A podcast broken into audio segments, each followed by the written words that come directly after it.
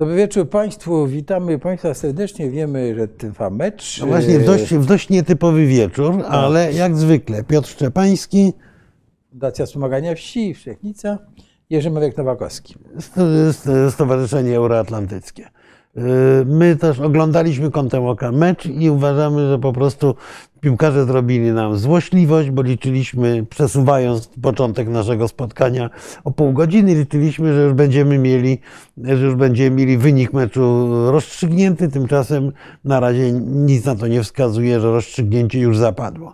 No i widzisz, Francuzi to albo ma coś zrobią z Napoleonem, albo zawsze czymś za- zaskoczą, kurczę i, i nawet żeśmy wymieniali refleksję, y, że y, to jest tak jak w bitwie, że bitwy się wygrywa, jak powiedziałeś, ostatnim Znaczy, no nie ja powiedziałem, powiedział Filip Macedoński, Filip Macedoński, nawet, tak. ale, y, ale że bitwę wygrywa się ostatnim oddechem. I proszę Państwa, ta- taka refleksja a propos tego meczu, a propos jego przebiegu.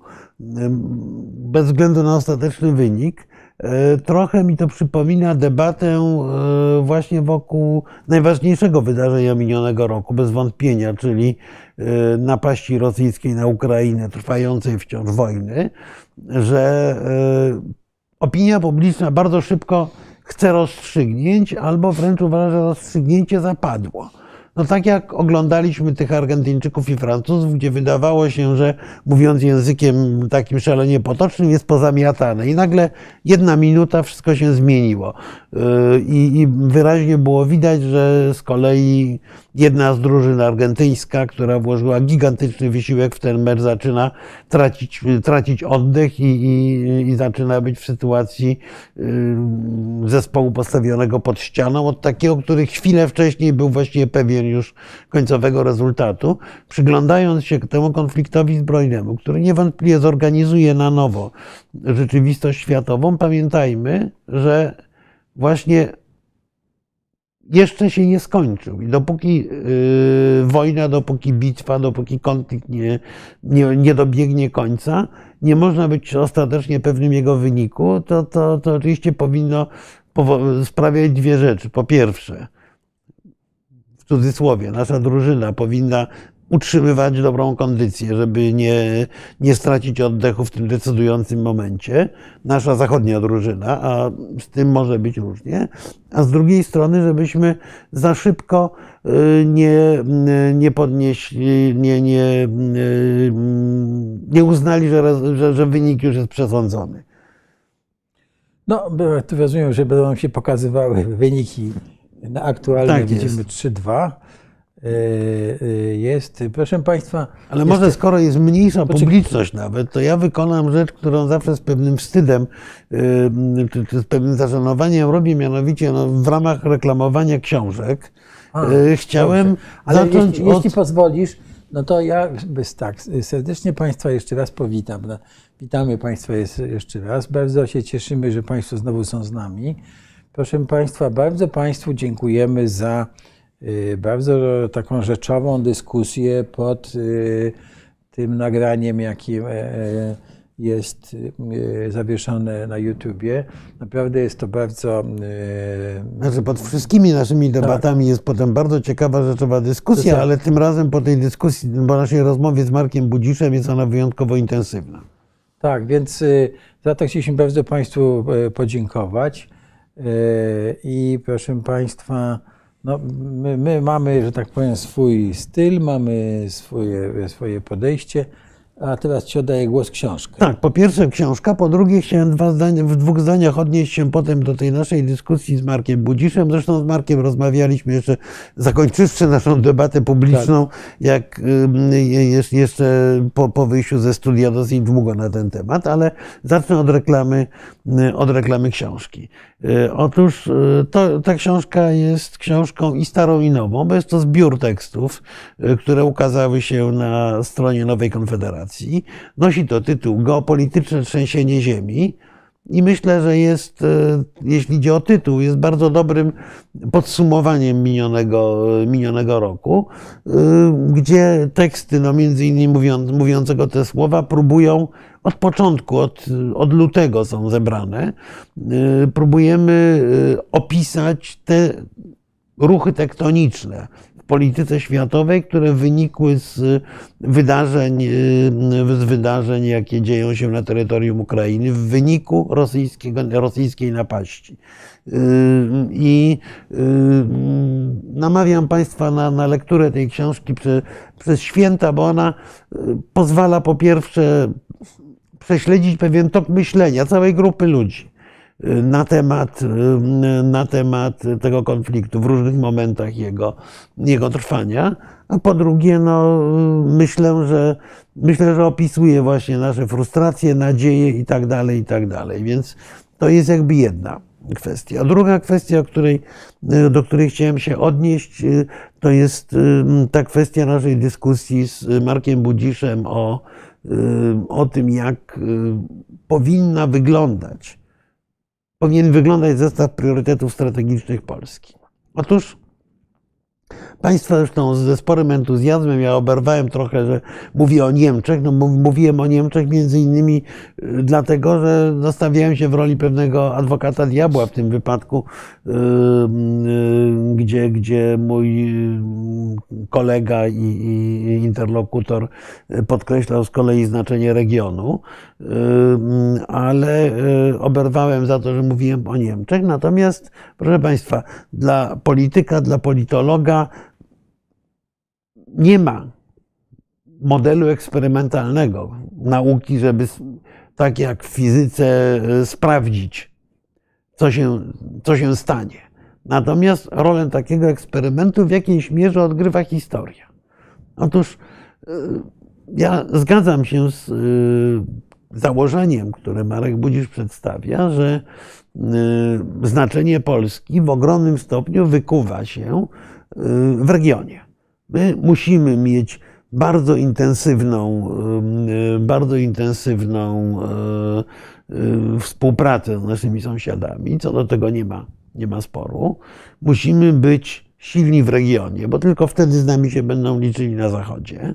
Natomiast, proszę Państwa, przypomnijmy lata 1938-39, czy w ogóle drugą połowę lat 30. ubiegłego wieku, kiedy Józef Beck próbował prowadzić właśnie taką politykę budowania sojuszu regionalnego.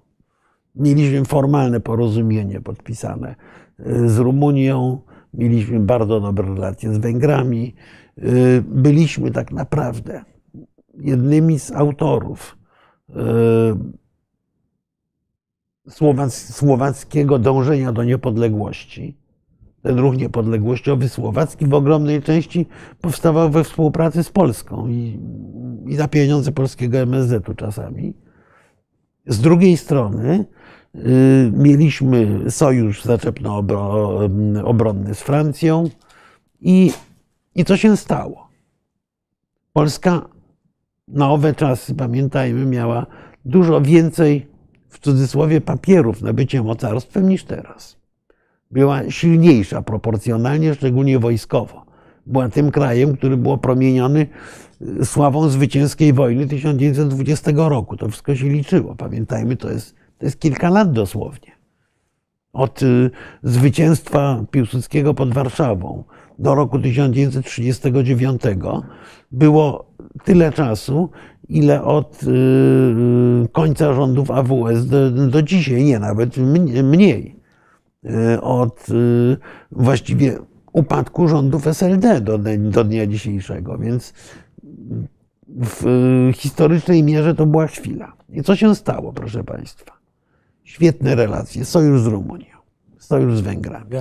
Y, I w momencie, kiedy wielcy sąsiedzi, Niemcy i Sowieci, ale szczególnie chodzi tu o Niemców, to zaczęli naciskać na naszych partnerów, to nagle te sojusze zaczęły się sypać. Nagle okazało się, że one są bardzo niewiele warte w sensie praktycznym, ponieważ kraje regionu zaczęły się oglądać na tych silniejszych.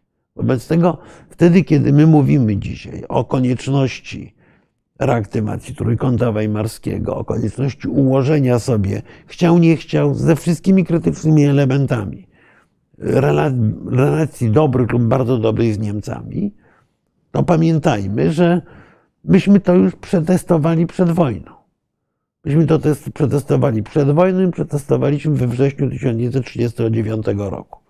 Nasz formalny sojusznik, członek Ententy, małej Ententy, Rumunia, jakoś dziwnie wstrzymał transporty broni, które dopłynęły z Wielkiej Brytanii do portu w Konstancy.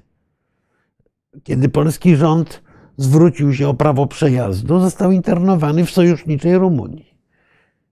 Pomocy żadnej stamtąd nie uzyskaliśmy. Słowacja, w którą sporo inwestowaliśmy, była przecież obok Niemiec formalnym agresorem. Znaczy wojska wjechały Wojska wjechały, tak. Polskę, tak.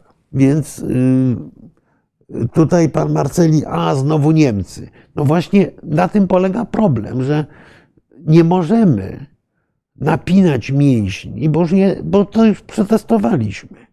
Napinać mięśni i mówić, że my tutaj tych Niemców to pogonimy, Ruskich pogonimy, Francuzów pogonimy. My jesteśmy potężni. No, należy w polityce liczyć się z realną siłą, zwłaszcza, że z Niemcami mamy sytuację o niebo lepszą niż przed wojną, bo mimo wszystko Niemcy są formalnym sojusznikiem Polski. Jesteśmy krajami bliskimi sojuszniczymi. Wobec tego nie jest to kraj wrogi. A oczywiście, że każde państwo zabiega o wzmocnienie swojej pozycji. My też. Także w tej debacie z Markiem mam wrażenie, że my trochę zapominamy, trochę abstrahujemy od realnej, realnego rachunku sił. Zwracam uwagę, człowiek Xboxa pyta, czy trójkąt weimarski był tak naprawdę silny i zgrany. Nie, nie był silny i zgrany. Był chrupiącą, słabiutką protezą, którą mogliśmy wzmacniać, lewarując w ten sposób swoje znaczenie. Bo zwykle w tego typu układance y, ten słabszy gracz zyskuje. O ile w takim zamkniętym sojuszu nie, nie, nie zyska, tylko zazwyczaj płaci wobec silniejszych, o tyle w takiej układance, kiedy to ma być tylko lewar, to może zyskiwać, no bo jest postrzegany jako kolega tego najsilniejszego w klasie. Pan Szymon powiada, że i tak nas podporządkują gospodarczo i będziemy płacić w UE podatek na rozwój europejskich czempionów. I tak i nie. Oczywiście częściowo, częściowo tak, ale to jest już nasze zadanie, żeby się nie dać speryferyzować i między innymi drogą ucieczki od peryferyjnego statusu jest rzeczywiście to, o czym mówił Marek Budzisz, ścisła współpraca regionalna, w tym w przyszłości, daj Boże, z Ukrainą. Bo rzeczywiście, gdyby powstała nowa, nowa, nowa Rzeczpospolita, czyli, czyli Unia Europejska, obejmująca Białoruś, Ukrainę, yy,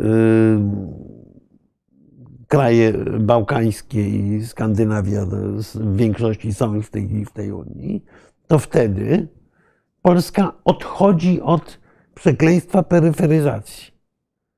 Więc tu się w pełni z Markiem zgadzaliśmy, co do kwestii takiej, że musimy bardzo dużo inwestować w region. Super. Natomiast mówienie o regionie w oderwaniu od naszej polityki wobec zachodniej części Europy, wobec zachodniego skrzydła Unii Europejskiej, no, byłoby po prostu naiwnością. Tu, tu jest ten problem. Pamiętajmy, że nie żyjemy. To jest błąd myślenia wielu polskich polityków. Że nie żyjemy w Europie międzywojennej, gdzie grały państwa bardzo indywidualnie, tylko żyjemy w Europie jednak w dużej mierze zintegrowanej. Zresztą rozmawialiśmy przed y, rozpoczęciem, przed rozpoczęciem naszego nagrania, że wielu naszych polityków powiada, że chcemy Europy ojczyzn, Europy silnych państw narodowych. A z drugiej strony, jak silne państwo narodowe niemieckie w tej Europie się rozpycha, to nam się to nie podoba.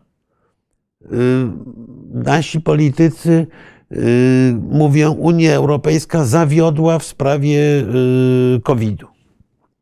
A z drugiej strony, jak próbuje się przekazać pewne kompetencje do Komisji Europejskiej, to mówią nie. No jeżeli komisja nie ma tych kompetencji, no to zareagowała za wolno. Więc musimy sami wiedzieć, czego chcemy. Więc te wszystkie elementy i krytyka polityki niemieckiej, i obawa przed dominacją niemiecką czy niemiecko-francuską, i dążenie do silnej roli regionalnej, to są wszystko elementy prawidłowego myślenia. Tylko to myślenie musi być myśleniem całościowym.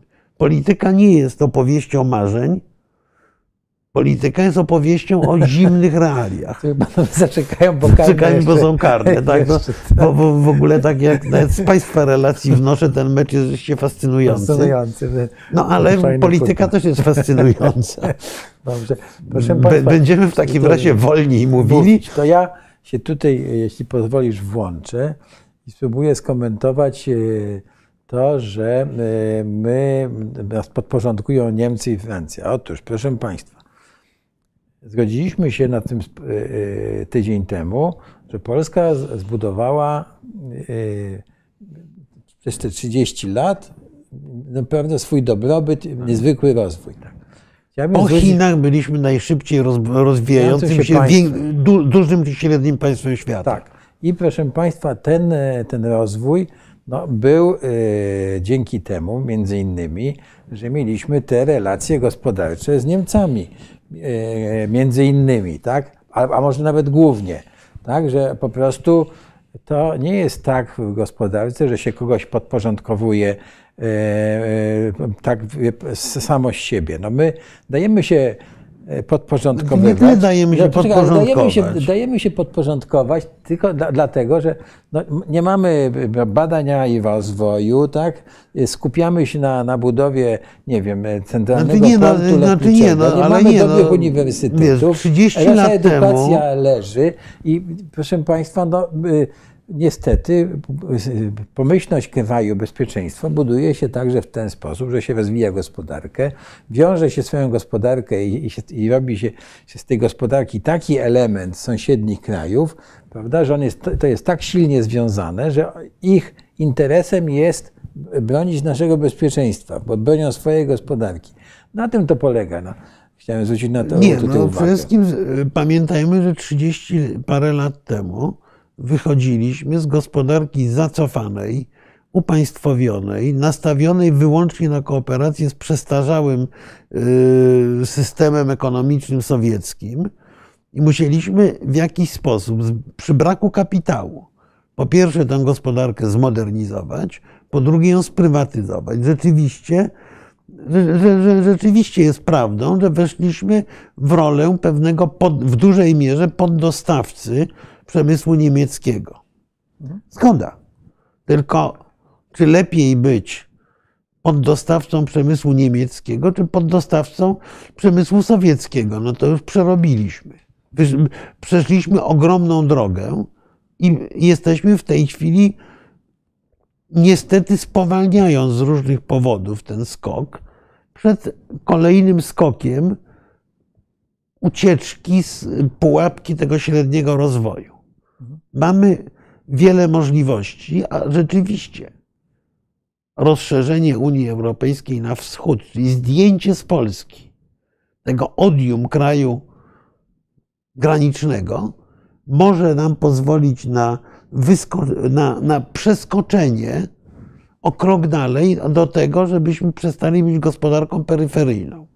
Bo jesteśmy w jakiejś mierze gospodarką peryferyjną wobec gospodarek Europy, za, Europy Zachodniej, szczególnie niemieckiej.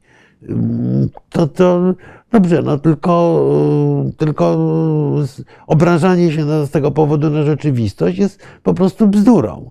No pamiętajmy, że ja jeszcze pamiętam to, proszę Państwa, że długopis BIK uchodził w PRL-u za produkt luksusowy. Tak, tak było.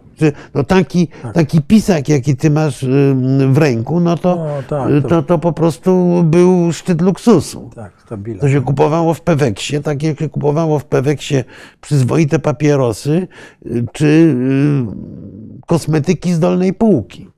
Proszę Państwa, tutaj pan Izbona mówi, że nikt nie wątpi, że Niemcy są potrzebne do rozwoju, ale wymuszanie na Polsce w sprawach moralnych, energetycznych czy sądowych, karając Polskę za to, że jest, e, to jest niebudujące wspólnotę z Niemcami.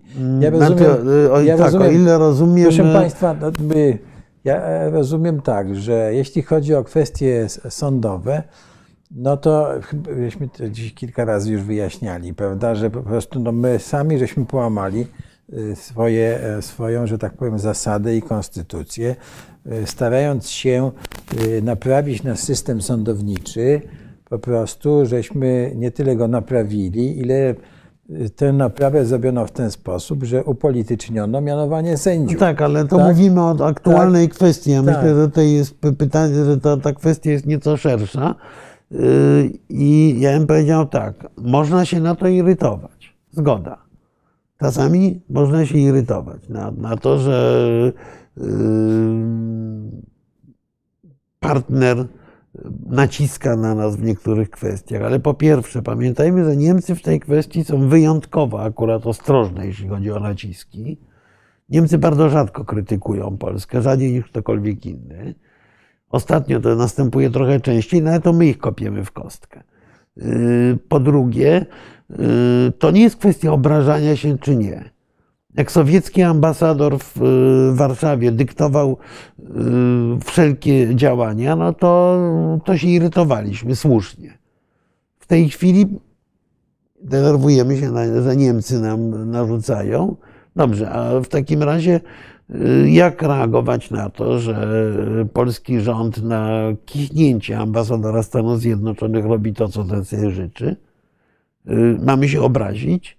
Nie, nie mamy się obrazić, ponieważ bez amerykańskiego parasola militarnego bylibyśmy y, kompletnie y, bezbronni. Bez współpracy ekonomicznej z Niemcami bylibyśmy biedni. No, zwracam uwagę, że największe ostatnie inwestycje to inwestycje firm niemieckich w Polsce. Jedne z niewielu, które są podejmowane, green- greenfieldowe inwestycje. Więc y, y, możemy się złościć, ale żeby się złościć skutecznie, to trzeba mieć narzędzia do tego złoszczenia się. Wobec tego wypracujmy te narzędzia. Elementem wypracowania tych narzędzi jest wprowadzenie Ukrainy do Unii Europejskiej. Y, Bez aktywnej współpracy Niemiec tego nie zrobimy. Więc pytanie bardzo proste. No, możemy zerwać nić komunikacji z Niemcami i powiedzieć, że wy jesteście wstrętni, a my jesteśmy dobrzy, tylko to nam nie przyniesie żadnego realnego skutku. Albo czasami zacisnąć zęby i doprowadzić do tego, żeby kompozycja regionu była na tyle korzystna dla Polski, żeby tak łatwo nie dało się nam czegoś narzucić. Bardzo proste. Dopóki nie mamy tych narzędzi, to skończy się to tak, jak z Sojuszem Polsko-Rumuńskim w 1939 roku. My się zachowujemy tak, jak się zachowywał Beck. Opisane to jest fantastycznie w świetnych książkach Piotra Majewskiego o kryzysie czechosłowackim.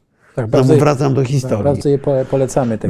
Tak, zresztą no, Wszechnica się spotykała z y, Piotrem Majewskim i tak Tam dalej. można znaleźć rozmowę z Więc, Piotrem y, Majewskim właśnie o Czechach, e, Czechosłowacji w tamtego Więc pamiętajmy, jaka była sytuacja W kryzys czechosłowacki. Y, Rząd polski na swoim posiedzeniu, na to są dokumenty, stwierdza, że no jeżeli Niemcy napadną na Czechosłowację, będziemy jej bronić. Tę informację przekazujemy naszemu sojusznikowi francuskiemu, ale nie przekazujemy jej Czechom. Czesi są przekonani, że my im wbijemy nóż w plecy. To przekonanie sprawia, że rząd czeski ostatecznie decyduje się nie bronić przed napaścią na Sudety, tylko poddać się.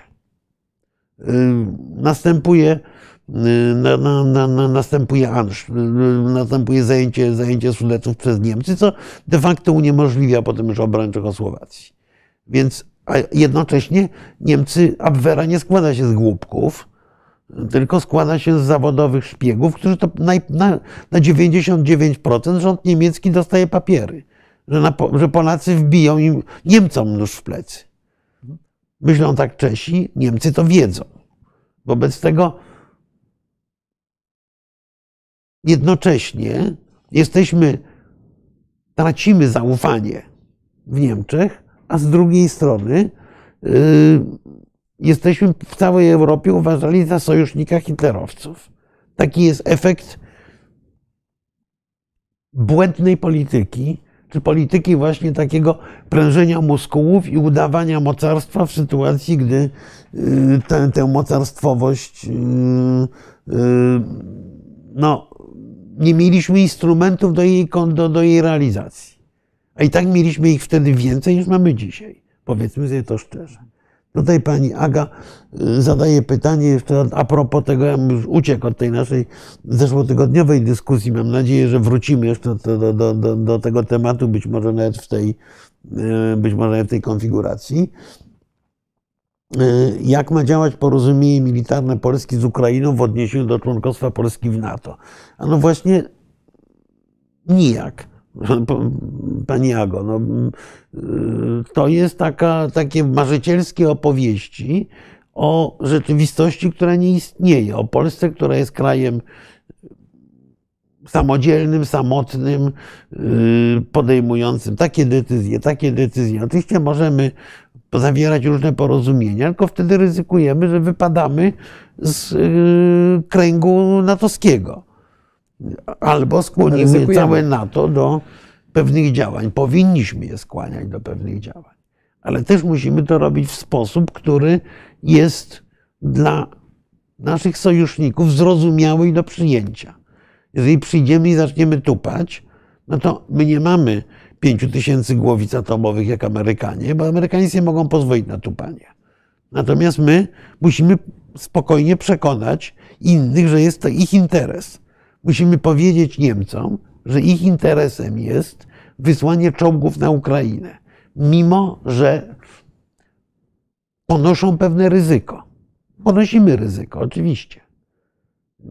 Rosja może zaatakować. Natomiast y, jeżeli nie potrafimy, i to powinniśmy mówić w Paryżu, w Berlinie, w Waszyngtonie i w Londynie, i w Rzymie, że jeżeli Putin nie zostanie pokonany, zwróćcie Państwo uwagę, cała debata, ostatnio chyba te trzy artykuły w Foreign Affairs były na ten temat, był duży tekst w Washington Post. Cała debata toczy się na, tym, na, na temat tego, czy Ukraina powinna tę wojnę pełnowymiarowo wygrać. Tego się Zachód boi, potwornie się boi wygranej Ukrainy z kilku powodów. Jednym z powodów jest to, że w myśleniu polityków, takich jak Macron, takich jak Scholz, ale również takich jak Joe Biden, bądźmy szczerzy, Rosja jest elementem stabilności świata, który oni znają. I ten świat na naszych oczach się rozsypuje. Musimy, my wiemy, a w każdym razie mamy poważne przesłanki, żeby sądzić, że jeżeli ten świat nie rozsypie się do końca, to będzie to y, konstrukcja gnijąca, zatruwająca całą, całe życie europejskie. Wobec tego nie zachowanie twarzy, a pobicie Rosji. Natomiast myślenie w Paryżu, w Londynie, jak mówię, i w części politycznego Waszyngtonu, na szczęście w części, jest takie, że nie można pozwolić Rosji upaść. Bo jak upadnie, to staną się straszne rzeczy. Nie mówią, jakie straszne się staną. A my z kolei zakładamy, że dopiero jak upadnie, to będziemy mogli odetchnąć, uporządkować Europę. Tak zbudować nareszcie tę Europę marzeń. Czyli inaczej, doprowadzić do tego, żeby w, w miarę szybkim tempie granice Europy politycznej, czyli Unii Europejskiej, bo to jest Europa w rozumieniu tych gości, na przykład z Argentyny, którzy właśnie wygrali, jak rozumiem, Mistrzostwo Świata, ale również w rozumieniu dużej części globu, Europa to jest Unia Europejska. Bez tego ta Europa powinna być, jednoczyć całość, wszystkie kraje wchodzące w ramy naszej wspólnoty cywilizacyjnej.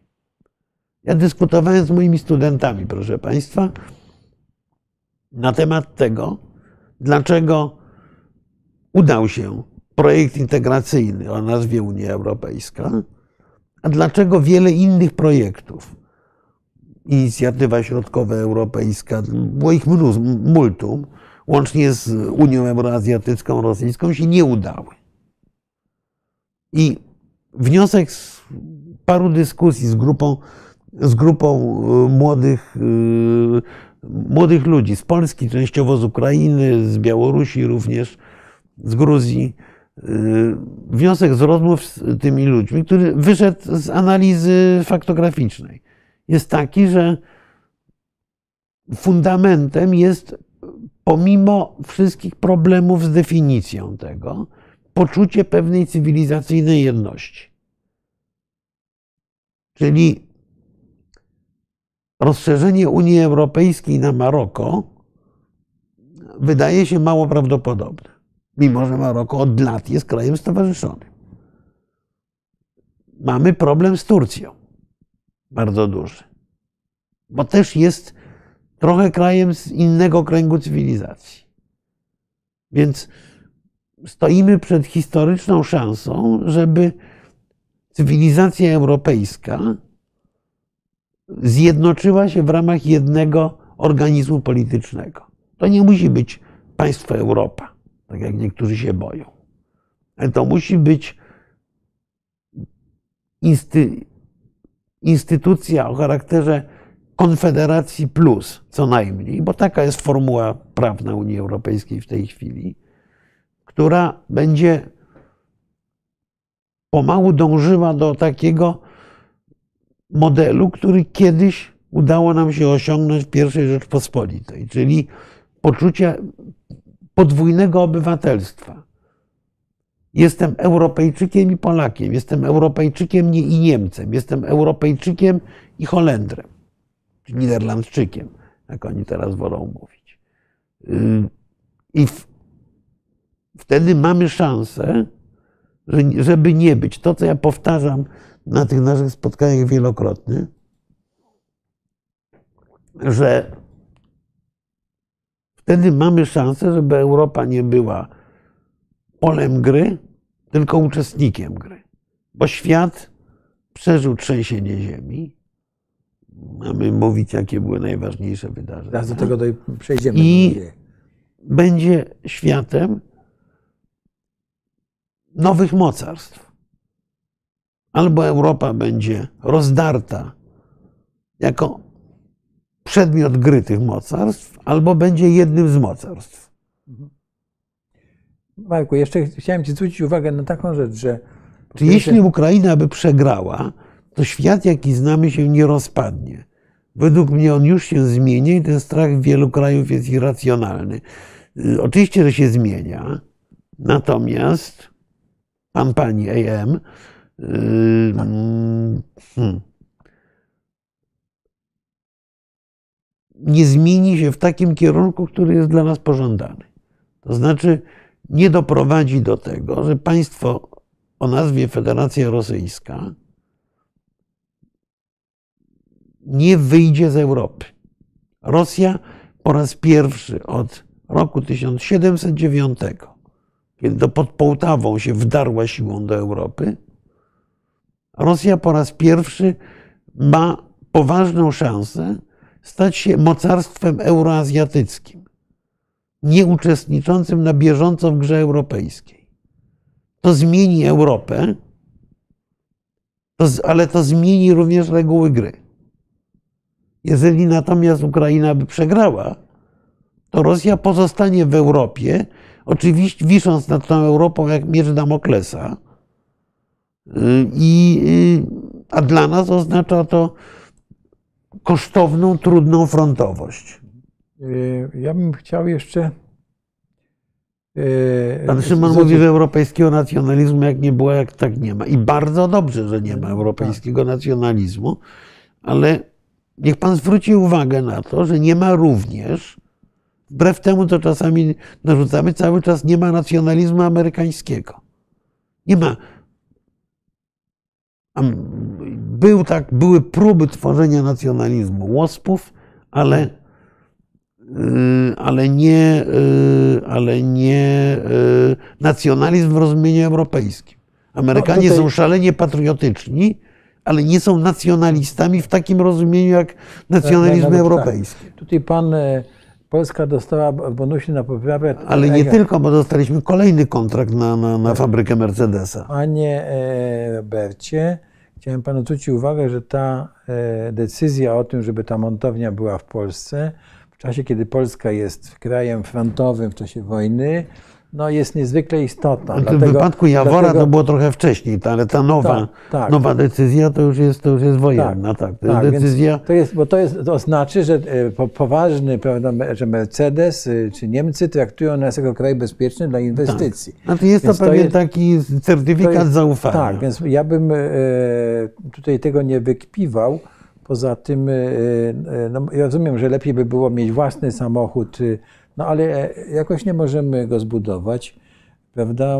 E, Tej nie- nieszczęsnego, jak on się nazywa, ten e, elektrycznego samochodu, nawet żeśmy łopaty nie wkopali. I zero, i zero. Znaczy nie no, chcemy go rozbudować, Tak, na, ale- znaczy ale- Chińczykom go oddać. Tak, ale, ale, ale tymczasem wszystkie, e, prawda, nawet te francuskie czy włoskie koncerny już budują samochody elektryczne, prawda? Fiat, No nie, nie, to Renault, jest to, nie, no, to, jest to wszystko, tak. gigantyczna, A my nie gigantyczna możemy się nawet inwestycja. łopaty wkopać, i, więc- Więc lepiej by było oczywiście mieć własny samochód, a nie, no świetnie by było. ale, ale no tylko- jakoś nam nie idzie, no e, przepraszam najmocniej, więc nie ma się No nie, by- no ale to być może właśnie jest wynik taki, że się napinamy trochę za daleko. Tak, więc E, ale, Nie, nie, nie milion, tylko powinniśmy, tak jak zresztą jesteśmy, a może w ogóle się skupić Ale nie, na ale- produkowaniu ba- baterii, czy ale no- nie tylko baterii. nowej technologii powstawania akumulatorów, ale wiesz, a nie... paru innych rzeczy, ale Tak. nie. Na przykład jesteśmy y, potęgą w produkcji y, małych jachtów. Jesteśmy, i Tak. Moglibyśmy być,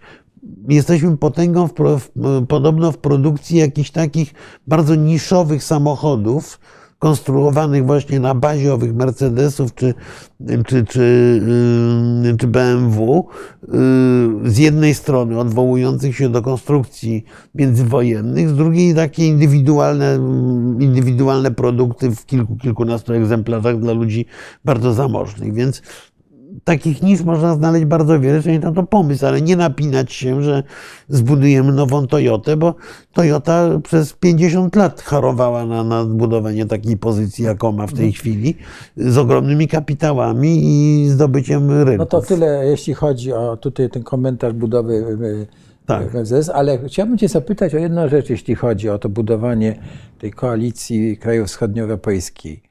Czy Polska ma... Nie wschodnio, środkowoeuropejski, bo ta koalicja, tak, tak, tutaj się w pełni zgadzam z Markiem Budziszem, musi zawierać Szwecję, Finlandię.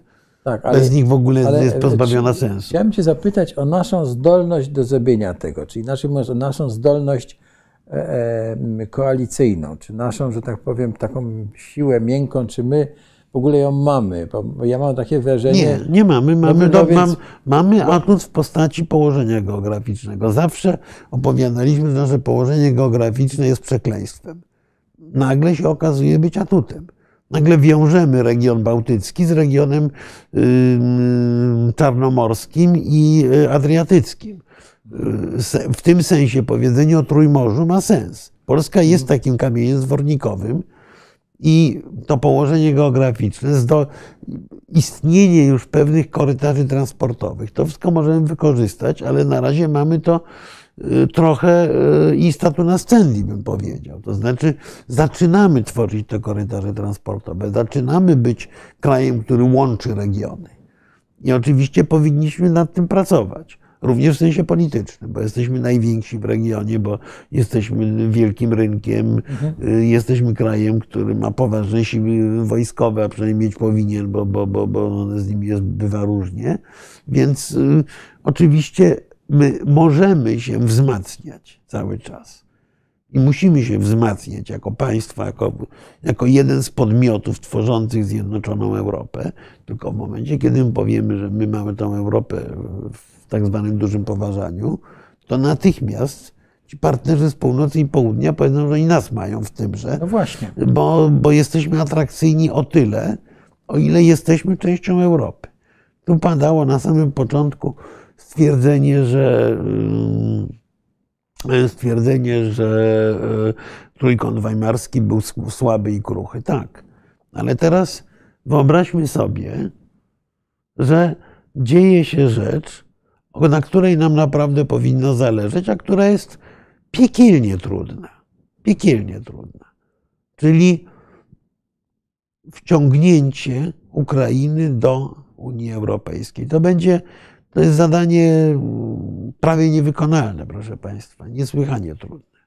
Otóż jedynym mechanizmem, jeżeli Państwo na spokojnie się temu przyjrzą, jedynym mechanizmem, który może, czy jedynym narzędziem, które może posłużyć do wciągnięcia Ukrainy do Unii Europejskiej, to jest trójkąt weimarski.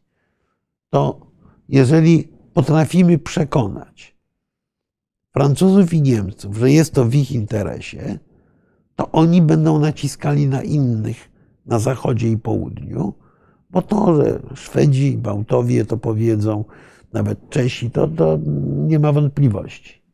Ale wtedy musimy, nie wiem, w niektórych swoich interesach się o krok cofnąć, bo na zawsze silniejszy ma mocniejszą pozycję przetargową. Ale bez stworzenia realnego wehikułu wciągania Ukrainy, to, no to właśnie nie, nie uzyskamy tej, tej premii bycia w środku, tej premii kraju, który wychodzi z peryferyjności, bo ma, bo ma do tego wyjścia narzędzia. Widzę, Dobrze, że tutaj tak, ostra dyskusja, ale... wobec tego ucieknijmy na chwilę. Tak. Zadziwia mnie sprzeczność, którą głoszę, a jaką jeżeli panie Konradzie mogę. Pan napisze na jaką Powiedzieć jako o, a Polska ja... to za mała, żeby, żeby prowadzić samodzielną politykę, mamy siły, żeby przekonać. Właśnie yy, mówimy o tym, że nie mamy. No nie, ma, no, nie no, panie, panie Konradzie, yy, ja mam. Nie, ma, nie mamy siły na tyle, żeby narzucić innym naszą wizję polityczną, czy zmusić ich do jej, do jej przyjęcia, nawet jeżeli ona jest słuszna. Natomiast jesteśmy państwem poważnym, jeśli idzie o rozmiary, bo niekoniecznie jeśli idzie o zachowanie elity politycznej, to już inna sprawa. Jesteśmy krajem dużym w skali europejskiej. Jesteśmy krajem, który może wzmocnić się, i tu, jak mówię, zgoda z Markiem Budziszem, poprzez aktywną politykę w regionie. I wtedy mamy istotne argumenty. Nie mamy siły, żeby zmusić Francję i Niemcy. Mamy istotne argumenty, żeby ich przekonać do tego, aby zechciały podzielać przynajmniej istotną część naszej wizji. Egoistyczne interesy, panie Konradzie, y, poszczególnych państw europejskich, to zaczyna docierać nawet do Scholza. Przecież te ostatnie jego wypowiedzi wyraźnie o tym mówią egoistyczne interesy są nie do skonsumowania poprzez żadne pojedyncze państwo. Europa niemiecka skończyła się. Nie, Niemcy są za słabe, żeby uciągnąć wóz europejski. Europa niemiecko-francuska też wydaje się być nie do zrealizowania już w tej chwili. Zwłaszcza po wojnie, kiedy Europa musi zacząć się zbroić, kiedy Europa musi być w ścisłej współpracy ze Stanami Zjednoczonymi, bo jak wujek z nas nie będzie bronił, to dostaniemy po głowie, bo jesteśmy za słabi jako cała Europa. Więc,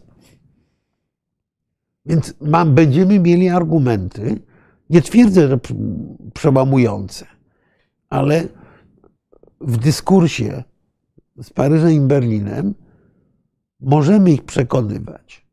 Oczywiście w pewnych kwestiach ustępując, w pewnych posuwając się do przodu. Natomiast na pewno jesteśmy za słabi, żeby bić pięścią w stół. Ja nie widzę tej sprzeczności, powiem, po, po, po, powiem szczerze.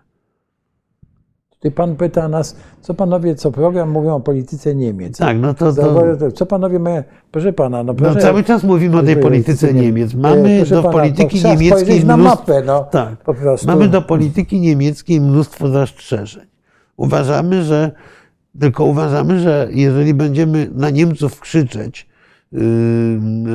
wyłącznie, to nie osiągniemy żadnego celu, bo my jesteśmy, nasz głos jest słabszy od głosu tego, na którego chcemy krzyczeć. Wobec tego musimy kulturalnie tłumaczyć, przekonywać go, że pewne jego zachowania są również w jego, są, działają wbrew jego interesom, tak jak Niemcy się nadziali w pewnym momencie na projekt Nord Stream 1 i 2 bo okazało się, że włożyli to w kupę pieniędzy, energii politycznej i tak dalej, po czym to się posypało. No i okazało się, że to było celowe działanie Rosji, żeby ich tak, tak uzależnić, żeby po prostu nie, nie ich obezwładnić y, przy realizacji rosyjskich tak. celów. Tak, tak a to pan I... White'ego y, pyta, że y, co mamy się dogadywać z Niemcami i Francją, jak tam ci kierują się swoimi interesami. No ale oni mogą powiedzieć to samo, a wy się kierujecie waszymi interesami. Wszyscy się kierują to Chodzi o to, żeby te interesy zharmonizować i żeby przekonać ich, że na tym polega sztuka. Ma, mamy, mamy w ogóle w nieprawdopodobny moment, no bo oni sami przyznali, myliliśmy się, wy mieliście rację. Wobec tego postarajmy się to pociągnąć, a nie mówić tak, jak wy się myliliście, teraz przeproście. Niech nie przepraszają, tylko niech robią przy, przyszłościowo to, co, uważa, co, co jest w naszym, ale i w ich interesie. Tutaj e, padło już y, razy nam zarzucone, że jesteśmy tak, agentami. Tak, tak germanofil. No, nie, absolutnie nie jestem germanofilem. Jest, tak, y, po prostu... Panie Karolu, jestem naprawdę jestem polonofilem. Całe dorosłe życie spędziłem na obronie polskiej polityki, polskich interesów. No. Bardzo często, zresztą używając argumentacji takiej, jak tu część naszych oponentów. Natomiast mm, spędziłem w praktycznej polityce zagranicznej 30 lat. I y, naprawdę doskonale wiem, że y, napięcie mięśni i tupanie y, głośne nie rozwiązuje żadnych problemów. Problemy rozwiązuje się albo siłą, jeżeli się ją ma, albo jeszcze lepiej dialogiem. Wobec tego należy nie mówić germanofil, ger, germanofob, tylko tylko mówić o tym, jak, jak, jak przekonywać tego partnera do tego, że jest pewne pole wspólnych interesów. Mamy interesy rozbieżne, jakieś kawałki, nie tak dużo wbrew pozorom. Natomiast i tam, proszę bardzo, kłóćmy się na tą, aha, powiedzą, niemiecki zysk jest w Rosji. Nie. Nie. W Rosji jest, proszę pana, pani, bo nie wiem, jak się zwracać do owego aha. W Rosji niestety jest niemiecka korupcja, a nie niemiecki zysk. Popatrzcie Państwo, że obroty handlowe niemieckie z Polską są mnożnikowo większe niż z Rosją. Tam żadne, w Rosji nie ma żadnego zysku, natomiast rzeczywiście Rosjanie po mistrzowsku rozgrywają możliwości korupcyjne, możliwości dawania zarobku niekoniecznie uczciwego, niekoniecznie przyzwoitego. Więc y, to, to, jest, y, to, to jest zupełnie co innego. Niemiecki biznes, proszę Państwa, ma świadomość zarówno głębokie, głęboko ryzykownego angażowania się w Chiny, jak i tego, czym jest angażowanie się w Rosję. Nie czarujmy się, tylko że duża część wielkiego biznesu może w Rosji y, realizować zyski, których by nie zrealizowała gdzie indziej. Zrealizować je w taki sposób, który nie, nie jest tolerowany w innych y, sprawach. Więc to, to, to nie jest tak, że w, nie, w Rosji jest zysk. Rosja jest również w sferze ekonomicznej. Mówię to z żalem, bo, bo, bo też miałem przez lata złudzenia. Rosja również w sferze ekonomicznej jest czynnikiem toksycznym w Europie. Jak popatrzą Państwo na firmy, które realizowały swoje zyski w Rosji, to najczęściej te zyski były zyskami y, z pogranicza legalności i nielegalności. Więc y,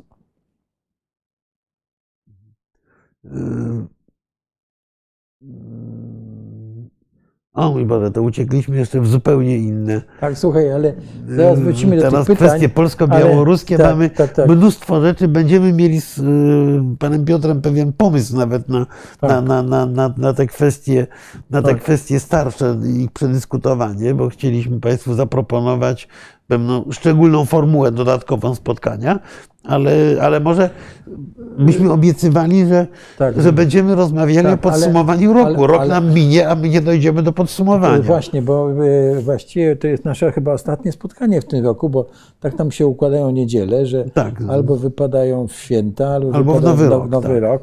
Więc e, następne spotkanie w styczniu, ale ja bym się chciał No chyba, że właśnie zrobimy jakieś takie specjalne spotkanie, ale o tym to, to Yy, tak, ale to pomyślimy. proszę w takim razie przeglądać, no gdzieś to za, za, za, Zaanonsujemy. zaanonsujemy, ale yy, chciałem Cię jeszcze zapytać o tej koncepcji budowy tego porozumienia krajów środkowoeuropejskich. Co Ukraina na to?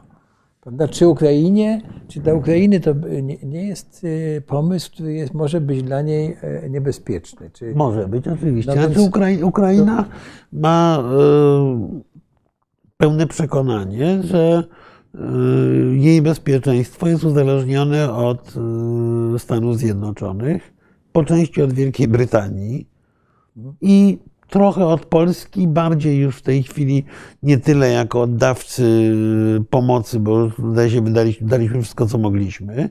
Tak. A na przykład nie jesteśmy w stanie wyprodukować amunicji yy, nawet na, na, na uzupełnienie własnych zasobów, a co dopiero na uzupełnienie potrzeb armii ukraińskiej. Yy, To jest zresztą też właśnie pytanie o efektywność państwa. Jeżeli byśmy byli w stanie produkować milion pocisków, no to mielibyśmy inną po- pozycję przetargową gdziekolwiek na świecie, nie tylko wobec Ukrainy, a nie potrafimy i jest to wyłącznie na, wina różnych naszych zaniedbań. Jeż- Jeszcze dodatkowy temat. Natomiast Natomiast e, dla Ukrainy oczywiście porozumienie środkowoeuropejskie jest dobrym dodatkiem. O. Natomiast podstawą dla Ukrainy są twarde gwarancje bezpieczeństwa yy, sygnowane przez Waszyngton, Londyn, Brukselę. Pozostałe kraje są istotne, Znaczy ale, ale nie No najistotniejsze, tak, ale bo, mają, mają jeszcze bo nie mają, że tak powiem, porozumienia, mi- porozumienia mińskie i, i prawda, No nie, no porozumienia mińskie, no to było, to, to, to, to, to, to były takie porozumienia na półkapitulacyjne. No, ponieważ armia ukraińska w 2014 roku poszła w kompletną rozsypkę, no to porozumienia mińskie były, były formą miękkiej kapitulacji. Ukraina oczywiście od nich uciekła, zwłaszcza, że y, Ukraina liczyła, iż y, to tak ukłon pod adresem tych wszystkich krytyków Niemiec i Francji. Ukraina liczyła, że Francja i Niemcy y, będą grały w jej drużynie, powiedzmy. Tak. Natomiast niekoniecznie tak stało się w rzeczywistości. Y, I, i, I to jest, y, to, to jest y, problem, z którym, Ukra- z którym Ukraińcy się borykają. Natomiast przyszłościowo oczywiście Ukraina jest zainteresowana współpracą regionalną, ponieważ Ukraina wyjdzie z tej wojny dramatycznie zniszczona. Jeśli zobaczymy jeszcze, jak, jak, jak wojna No, się zakła- nie, zakończy. za, za, przyjmujemy zakła- założenie, że na tę wojnę, że tej wojny przynajmniej nie przegra. Tak. jako minimum. Że że dojdzie do sytuacji, w której Ukraina bez istotnych, bez istotnych spraw, y, y, bez istotnych strat y, tę wojnę zakończy. Wtedy będzie konieczność odbudowy Ukrainy. I Teraz znowu wracamy, powie któryś z naszych widzów, że mamy chyzia niemieckiego. Już, Otóż do, odbudowa Ukrainy są to gigantyczne, gigantyczne pieniądze. Oczywiście nikt tych pieniędzy nie będzie wkładał yy, w, z prywatnej kieszeni, tylko trzeba będzie zbudować pewien system i to system, który dla darczyńców będzie związany z e, szansą przyszłych zysków. Polska nie ma pieniędzy, natomiast y, Polska ma pewną logistykę, która ułatwia współpracę z Ukrainą. To, to nam daje pewien, pewien plus jeden. Drugi plus jest taki, że my jesteśmy na Ukrainie rozpoznawalni, że znamy nie najgorzej realnie ukraińskie. Wobec tego, jeżeli zacznie się toczyć proces odbudowy, to powinniśmy się do niego podłączyć, ale głównym kontrybutorem będą Niemcy i Francja. Znaczy pod szyldem Unii Europejskiej najprawdopodobniej, bo dla nas byłoby wygodniej, żeby było to pod szyldem Unii Europejskiej, ponieważ jeżeli będzie to pod szyldem poszczególnych krajów, proszę Państwa, to za chwilę Ukraińcy dojdą nie bez racji do wniosku, że lepiej współpraca jest z Niemcami niż z Polską, czyli, czyli zrealizują y, czarny sen geopolityków okresu międzywojennego. No, no, trudno ukryć, że jeżeli y, ktoś będzie Pan Jan Józef Dyner jest nie, niereformowalny. Jak inwestują w fabrykę Mercedesa w Polsce, to no, żeby Polska sobie podporządkować. Jak nie inwestują, odranie jedne chcą nas udusić, też podporządkować. No, tak, y, w ten nie sposób, ma wyjścia. Tak, tak w ten sposób nie ma wyjścia. Nas albo udusić, albo podporządkować. W, ka w każdym razie, w a każdym jak, razie jak zainwestują Ukrainy. Jak zainwestują, Mercedes zainwestuje w Czechach, na Słowacji, no to zdrada. To jest zdrada i tak, tak, antypolskie, tak, oczywiście. No, oczywiście tak. Y, ale, ale mówiąc, y, mówiąc serio, y, w procesie odbudowy Ukrainy rzeczywiście powinniśmy być eksponentem interesów całego regionu, ponieważ jako, że nie mamy pieniędzy, a mamy pewne atuty niematerialne, to musimy jeszcze przyciągnąć pieniądze, które nie są niemieckie i nie są francuskie, żeby je jakoś równoważyć. Te pieniądze to mogą pieniądze ze Szwecji, z Finlandii, jakaś zrzutka regionalna i wtedy możemy występować jako współoperator, a mając właśnie ten handicap, że my tam jesteśmy zdani, rozpoznawalni i jakoś się dogadujemy, to będziemy krok do przodu przed innymi będziemy mogli Ukrainę integrować najpierw w ściślejszą współpracę regionalną. Były na przykład pomysły, żeby Ukrainę włączyć jako obserwatora do Grupy Wyszehradzkiej, prawda? Ale Grupa Wyszehradzka to w ogóle istnieje jeszcze? No, na papierze istnieje, nasza Grupa Wyszehradzka jest to ekipa akcyjna. No, jak jest problem, to się zbiera i coś robi. Jak nie, to, to, to, to, to nie istnieje. No, od początku właściwie tak było. Ostatnio jakoś nie, nie ma. Nie, nie, no, tych formatów jest bardzo wiele i one, ja, ja się nie dziwię, że one działają wyłącznie. Yy, Panie Janie Józefie, błagam, ja już nie, nie, nie chcę wchodzić w tę dyskusję. Niemcom tak? nie ma zależeć na wychodzeniu, czy nie, nam zależy na wychodzeniu z peryferyjności. A Niemcom zależy na tym, żeby mieć stabilne, spokojne sąsiedztwo. Tak jak nam zależy na tym, żeby Ukraina była y, w Unii Europejskiej, w NATO i żeby była spokojnym krajem. Nie dlatego, że kochamy Ukrainę albo że y, popełniliśmy wobec niej grzech, grzechy w historii, jak ona twierdzi, czy, czy, czy nie popełniliśmy, a byliśmy związani historycznie. To jest kompletnie nieistotne. Dla nas jest potrzebne to, żeby, żeby ktoś, kto inwestuje w rozwój Polski, wiedział, że Polska nie jest zagrożona, że na naszej wschodniej granicy na południu jest stabilny kraj, który też należy do tej samej strefy cywilizacyjnej. Wobec tego, jak coś się walnie, to nie w Polsce. My cały czas jesteśmy krajem pogranicznym, ze wszystkim płacąc jego koszty tej pograniczności. No, naprawdę mm, ja mam w nosie, ja nie chcę, żeby Niemcom zależało czy nie zależało. To jest kompletnie nieistotne. Niemcom ma zależeć, żeby Niemcy były silne, A nam ma zależeć na tym, żeby Polska wyszła z peryferyjności i żeby najlepiej było to w interesie Niemiec, a per saldo jest, bo Niemcy y, nie, Niemcy nie mają zamiaru Polski kolonizować, tylko Niemcy chcą mieć też święty spokój i zarabiać górę, górę pieniędzy. Y, w taki sposób lub inny. Jeżeli Polska nie będzie peryferyjna, będą zarabiać lepiej niż wtedy, kiedy będzie. Bezpieczniej może, jeżeli nie lepiej. No właśnie, dobrze.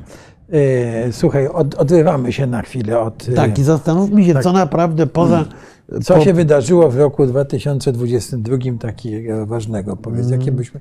Znaczy, no, na pewno wydarzyły się dwie rzeczy z dwóch różnych koszyków. Jedna, o której właściwie cały czas mówimy i która stała się, jak to ładnie nazywa się, w takiej gwarze półpolitycznej game changerem, czyli oczywiście inwazja rosyjska na y, y, Ukrainę. To na pewno. To ustawiło y, politykę światową od końca lutego, bo pamiętajmy, że w pierwszych półtora miesiącu ubiegłego roku wydawało się, nie, nie tego roku jeszcze, pomału mijającego, wydawało się, że właściwie głównie będziemy się kłócili o pieniądze na odbudowę po pandemii, że będziemy wychodzili z pandemii, że będziemy dyskutowali o przyszłości relacji z Chinami, że będziemy się zastanawiać, co Chiny zrobią z Tajwanem i tak dalej. Właściwie to, to się wydawało być mm, głównym elementem y, polityki międzynarodowej. Nagle bum, wojna, która zmieniła absolutnie wszystko. Przypominam, że ta wojna zmieniła w sposób absolutnie kluczowy myślenie ogromnej większości polityków o mnóstwie rzeczy, poczynając od, od kwestii, która też miała być jednym z y, okrętów flagowych roku 2022, czyli kwestii klimatycznych. Nagle wracamy do węgla, zabiegamy o zwiększenie wydobycia ropy, przestajemy y, krzyczeć głośno, że elektrownie atomowe są niedobre. To, to wszystko nagle znika. Nie zmienia to faktu oczywiście, że Y, kwestia zielonej energii nadal jest na stole i nadal jest kwestią niesłychanie ważną. Pewnie długoterminowo może się okazać ważniejsza nawet, ale w ogóle kwestia zielonej energii w moim odczuciu jest głęboko związana z wojną rosyjsko, rosyjską na Ukrainie. No, to inna, to za chwilę może do tego dojdziemy.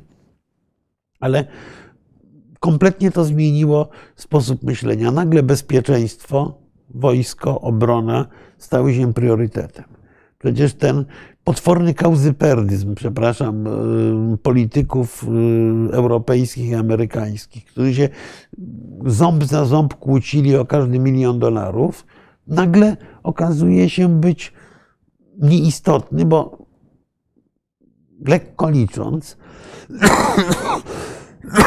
przepraszam, Stany Zjednoczone i Europa na wsparcie dla Ukrainy wyłożyły już tylko w tym roku jakieś 70-90 miliardów dolarów. Mhm. Jakby komuś powiedział, powiedział, że ma wydać 100 miliardów dolarów, to by się w głowę stuknął. Natomiast tyle wydano i, i y, to jest, y, to, to, to jest też czynnik, który zmienił perspektywę mówienia o gospodarce, o polityce i tak dalej.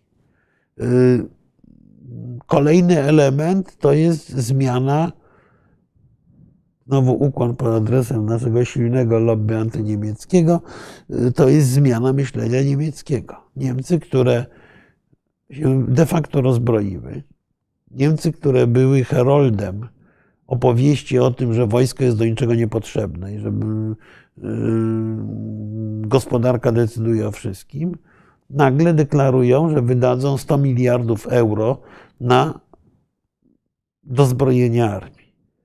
Przy czym Niemcy wykonują jeszcze jedną rzecz. Mianowicie stała się w wyniku tej wojny rzecz nieodwracalna właściwie, czyli Europa odwróciła się plecami od rosyjskich surowców energetycznych. Bo yy, taki mały drobiazg, bo to też jakby w tej rozmowie o Niemczech nam trochę umyka. Otóż Niemcy w przeciągu sześciu miesięcy, sześciu miesięcy, proszę Państwa, przygotowały dwa terminale odbioru gazu skroplonego. One za chwilę ruszają. Tak, mało tego, jeszcze jest postulat ministra, byłego ministra Woźniaka, żeby się do, do tego e, jednego z tych e, e, terminali przyłączyć. No bo, bo u nas jeszcze, zanim Niemcy o tym nawet zaczęli Żeby mówić, to byśmy już opowiedzieli, że my zaraz będziemy mieli. Tylko mamy w tej chwili, według mojej wiedzy, perspektywę minimum 3,5 do 4 lat, że będziemy mieli ten terminal w Zatoce Gdańskiej, drugi, który jest nam potrzebny, bo za mniej więcej tyle mamy szansę go uruchomić, a Niemcy nic nie mówili protestowali przeciwko za zbyt szybkiemu odcinaniu się od Rosji, tylko już te terminale mają. No jest taka, taka różnica. Tak, w ciągu, rzeczywiście w ciągu I, błyskawicznie I w tej, ponieważ już wywalili kupę pieniędzy na to, mówiąc brutalnie, to już to, to, to, to tak gigantyczny import z Rosji już nie wróci. Tak. To zmieniło to te potoki energetyczne na trwałe, na wojnę. Więc więc ta, ta wojna wpłynęła w na bardzo wiele elementów, y, które wydawały się istotne. Y, mówię, myśleliśmy, że będzie sporo Nord Stream 2. Tak nam się wydawało w tak, styczniu tak. te, tego roku, prawda? Tak. O, o, kwoty płacone za emisję dwutlenku węgla, o to, że nam każą kopalnie zamykać, a to nam mówią, a dlaczego nie budujecie nowych. Więc obudziliśmy się 25 lutego w innym świecie. Yy, to, no, no mało tego jeszcze. To, I to świecie, gdzie zmiany zaszły na trwałe i gdzie nastąpiło przewartościowanie priorytetów. Nastąpiła jeszcze jedna rzecz niesłychanie ważna w wyniku tego game changera, o czym też trochę, której też trochę nie doceniamy. Mianowicie odbudowa no już trzy dni temu otworzyli terminal. Y, mianowicie nastąpiła odbudowa zaufania do CIA. To, tak, to, to jest w ogóle tak. coś niebywałego. Po wojnie w Iraku, po opowieściach Colina Powella o broni masowego rażenia, której nie było, y, kiedy Amerykanie od końca, od mniej więcej listopada ubiegłego roku przekonywali świat, że Rosjanie uderzą na Ukrainę, nikt im nie wierzy. Tak. Sam im nie wierzyłem. E, okazało się, że mieli rację co do każdego szczegółu i co więcej, że działania wywiadu amerykańskiego są tak skuteczne, że stały się jednym z fundamentów sukcesu Ukrainy. Wyraźnie to już w tej chwili widać. Łącznie z tym, że y, odbyła się awantura o, o to, czy zabijać generała Gerasimowa, czy go nie zabijać tak. między Amerykanami i Ukraińcami. Tak, y, no, ale to jest rozmowa y, z punktu widzenia Federacji Rosyjskiej. Po prostu Rosjanie powinni sobie ze wstydu strzelić w łeb, niczym komendant Szymczyk. No, tak naprawdę. No, że, że... Jeszcze raz, Rosjanie powinni sobie ze, ze, ze wstydu strzelić w łeb, podobnie jak powinien to zrobić ze wstydu koleżan Szymczyk, bo on na razie nie strzeli w łeb, tylko w podłogę. Yy, ale to, to, to jakby inna, inna kwestia. Yy, w każdym razie odbudowane zostają w, dużym, w dużej mierze. A ty wiesz, że ten Szymczyk to kiedyś go mianował prezydent Komorowski. Tak, tak, tak. Nie to, był, wiesz, to jest... nie, to był w ogóle bardzo przyzwoity, ba, ba, więc, bardzo zacny więc, policjant. Bo wyciągnięto to teraz, tak. wiesz, że... Nie, nie, to, że... był, to, to, to był bardzo dobry policjant, który chyba w pewnym momencie się zakochał w ministrze Kamińskim, no ale to jest zupełnie inna historia. Po prostu na ten temat nie chcę rozmawiać, bo sytuacja, w której pierwszy policjant y, Rzeczpospolitej dopuszcza się czterech przestępstw, oczywistych, po czym minister spraw wewnętrznych tłumaczy, że jest ofiarą, jest dowodem na to, że po prostu prawo w Polsce jest deptane i okpione niczym, niczym y, w epoce y, sławnego strażnika koronnego Samuela Łaszcza, który tłumaczył, że z wyrokami sądowymi Mdelię podbija. Y, więc to, to, to jest dokładnie, przypominam, generał nie miał prawa przyjąć takiego prezentu. Generał dokonał aktu przemytu broni przewożąc go przez granicę. Generał nie miał prawa wnieść tego prezentu na teren Komendy Głównej Policji i generał w sposób nawet jeżeli nie, nieumyślny dopuścił się przestępstwa zagrożenia życia i zdrowia funkcjonariuszy publicznych i zniszczenia mienia znacznej wartości. To są cztery przestępstwa ścigane z urzędu. Jeżeli po tym wychodzi minister spraw wewnętrznych i tłumaczy, że to jest ofiara, no to po prostu jesteśmy w kraju, w którym prawo jest y, y, kpiną, a nie prawem. Co, co mnie niesłychanie martwi. Wró wróćmy do głównego nurtu rozmowy. Ale wiesz, jeszcze w tym wątku minister jest jeszcze e, e, komendanta głównego, jest jeszcze to, że zażądano wyjaśnień od Ukrainy. Wiesz, zdaje się, ja nie wiem, czy to tak. prawda, ale nie mogę nie, w to no, uwierzyć. Nie, nie no. ale znaczy ja powiem tak, że rzeczywiście, rzeczywiście zwyczajem przeróżnych wojskowych i innych no, dyplomatycznym jest czasami wręczanie dość, dość kłopotliwych prezentów, ale osoba obdarowywana jest zobowiązana w tej sytuacji grzecznie, kulturalnie za taki prezent podziękować. Nie ma tematu. Dobrze, no. wracaj, wracajmy. Więc pierwszym wydarzeniem, o którym mówiliśmy, to była, mówisz, wojna na e, agresja Rosji na Ukrainę. Tak, to bez, bezwzględnie. Ta, Drugi. Ta agresja e, też, mam wrażenie, zmieni w ogóle nasze życie. Znaczy, znaczy nie, no, ta, ta agresja po, zmienia znaczy, sytuację po, po, światową. Zmienia sytuację, ale nasze życie zmieni w tym sensie, że będzie nam się żyło gorzej, że będzie nam się żyło biedniej, że będziemy mieli więcej wydatków e, na, na wojsko, tak? I no, prawdopodobnie już możemy się pożegnać z tym takim boomem rozwojowym na jakiś czas, no bo ewidentnie. No jest to bardzo prawdopodobne, ale przede wszystkim, y, przede wszystkim zmieniła się y, klasyfikacja krajów. To znaczy, nagle się okazało, że argumentem kluczowym przesądzającym w polityce, niczym przez ostatnie kilkaset lat, jest posiadanie potężnej siły zbrojnej. Tak.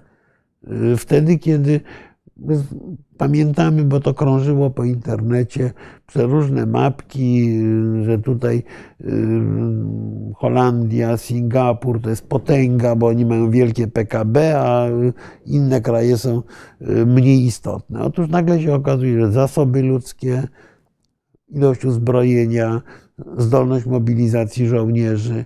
Nagle coraz, coraz więcej krajów y, zaczyna wracać do obowiązkowej służby wojskowej. Y, to, to wszystko nagle zaczyna się liczyć jako podstawowy argument w polityce. Coś, czego od właściwie, może nie II wojny światowej, od wojny koreańskiej właściwie nie było. Tak. Prawda? Więc, więc, a to oznacza, że rośnie znaczenie krajów dużych, bo zasoby y, ludzkie są niesłychanie istotne, y, czyli Chin, Indii, Indonezji, Stanów Zjednoczonych, Rosji, y, Brazylii. Nagle to, to, to, to, to znaczy bardzo wiele. Po drugie, ta wojna wskazała na to, że trzeba być w dobrym towarzystwie, pół żartem, pół serio, że wskazała na, na znaczenie sojuszy wojskowych. Sojuszy wojskowych efektywnych.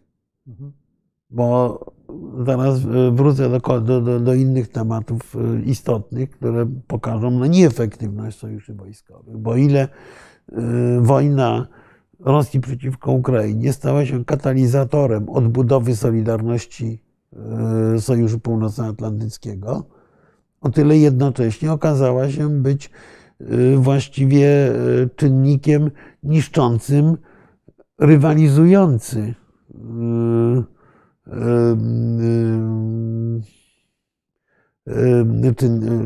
trzeba rzuciłem okiem na kolejne elementy niemieckie, ale, tak, ale po prostu, po prostu obiecujemy, że zrobimy specjalne posiedzenie, na którym nie użyjemy ani razu słowa Niemcy, co by Państwo nie pisali. Ale to oddzielne, oddzielne spotkanie. Antyniemieckie zrobimy wtedy całkowicie, albo się tak. A niemieckie. Natomiast wracając do, do, do, do tych czynników, Y, do tych czynników, które się y, zmieniły, y, nagle pojawiła się kwestia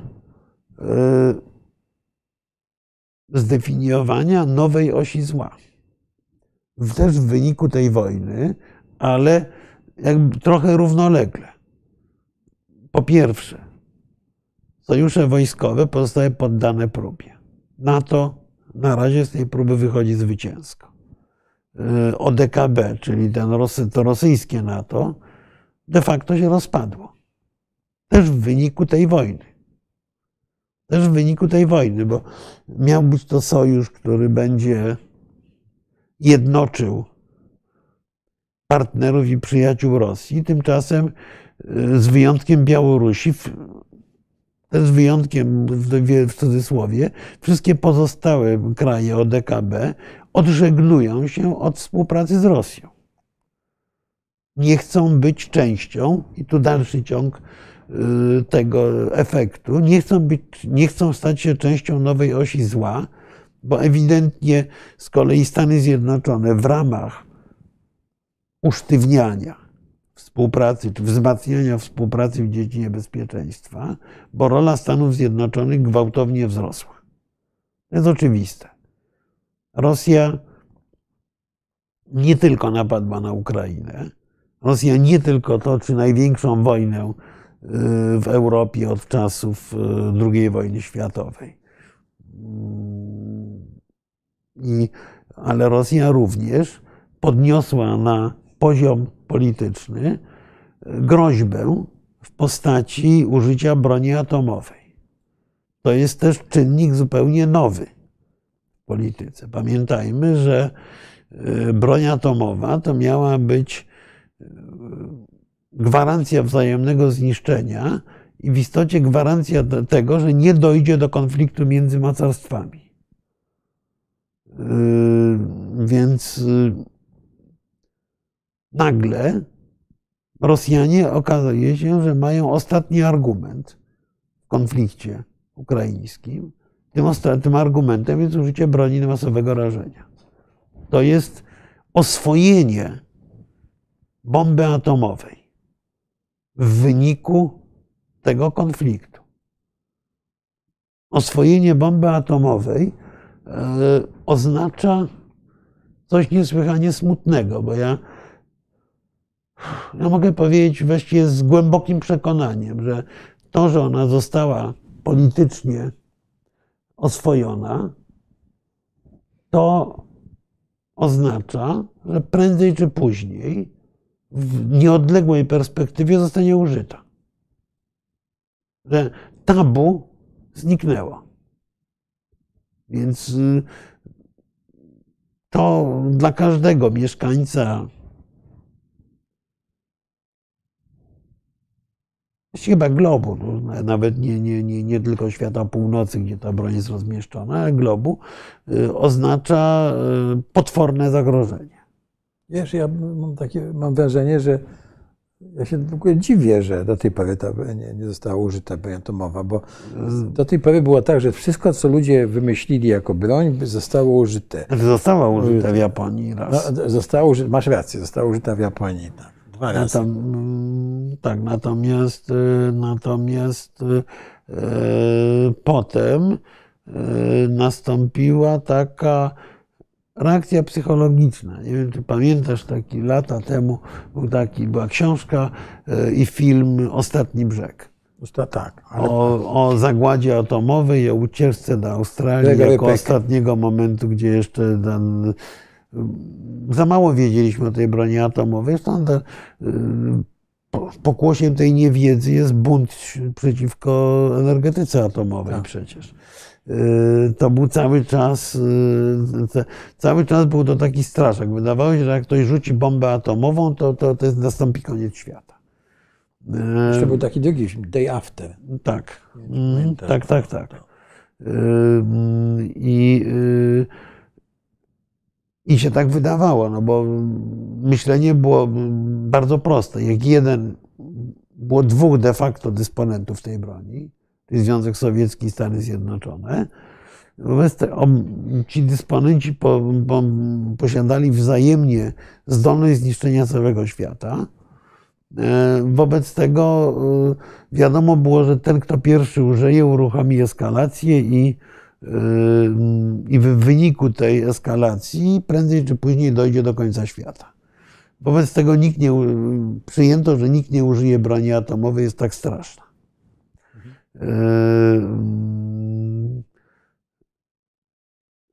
Był taki traktat w średniowieczu, który kończył się wnioskiem, że po wynalezieniu tak straszliwej broni jak kusza wojny są już niemożliwe. Tak. Więc nihil novi subsole.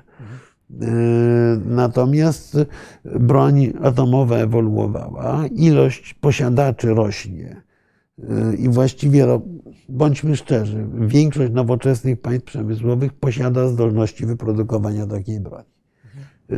Niektóre ją wyprodukowały jak Izrael i nic nie mówią, czy ją mają, czy nie mają. Inne ją wyprodukowały, powiedziały, że mają, po czym zlikwidowały jak RPA. Y, y, wiele krajów już jest w tym klubie atomowym, w tym klubie atomowym, który nie posiada tej zdolności zniszczenia świata, które miały dwa mocarstwa. Czyli o ile użycie broni atomowej w momencie, kiedy ona była monopolem dwóch supermocarstw, gwarantowało wzajemne pełne zniszczenie i koniec świata, wobec tego nikt się nie zdecydował na to, to w tej chwili jest tyle już e, państw, e, a być może jakichś terrorystów również, które mają dostęp do tej broni, które są w przeróżnych konfliktach. No, analitycy byli przekonani do niedawna, że ta broń zostanie użyta w konflikcie indyjsko-pakistańskim. Mają bandyckie państwo, jakim jest Korea Północna. Mają ją oczywiście Chińczycy. Y, ale po raz pierwszy Władimir Putin wstał i powiedział, że użyjemy broni atomowej. Bójcie się. Mhm. Oczywiście w kategoriach takich, że użyjemy broni atomowej o wymiarze taktycznym czy operacyjnym, a nie wystrzelimy te tysiące rakiet, tak. Y, które mają zniszczyć naszego wroga, bo nie w niego będziemy chwilowo celować. Y, to oznacza, że ta broń, jak mówię, prawie na pewno zostanie użyta. Y, to jest kolejna, kolejna konsekwencja tego, tego konfliktu i coś, czego sobie nie wyobrażaliśmy jeszcze rok temu. Nie wyobrażałeś sobie rok temu, że przywódca światowego mocarstwa będzie chodził i mówił, że on że obrzuci innych bombami atomowymi, a inni będą mówili, że to jest zupełnie serio i, i, i że, to jest, że to jest zupełnie możliwe. Y, więc y, też kompletna zmiana sytuacji. Powrót do tego, że żyjemy w świecie mocarstw. Raz, nowych. Dwa, że wchodzimy w epokę, w której będzie następowała najprawdopodobniej szybka proliferacja broni atomowej. Punkt trzeci to jest to, że y, mocarstwa utraciły, częściowo przynajmniej, zdolność do pełnego zarządzania konfliktami. Znaczy, Ukraina jest testem. Czy mocarstwa są w stanie zarządzać konfliktem? No bo de facto to jest y, wojna osi zła, w której Amerykanie umieszczają Rosję, Chiny, Iran.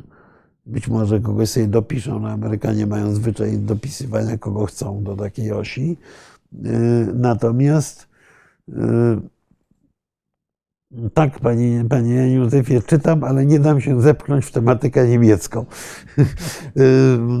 Natomiast, y, y, ale, ale nasz, nasz drogi słuchacz mnie trochę wybił, wybił z rytmu, z rytmu argumentacji, przepraszam.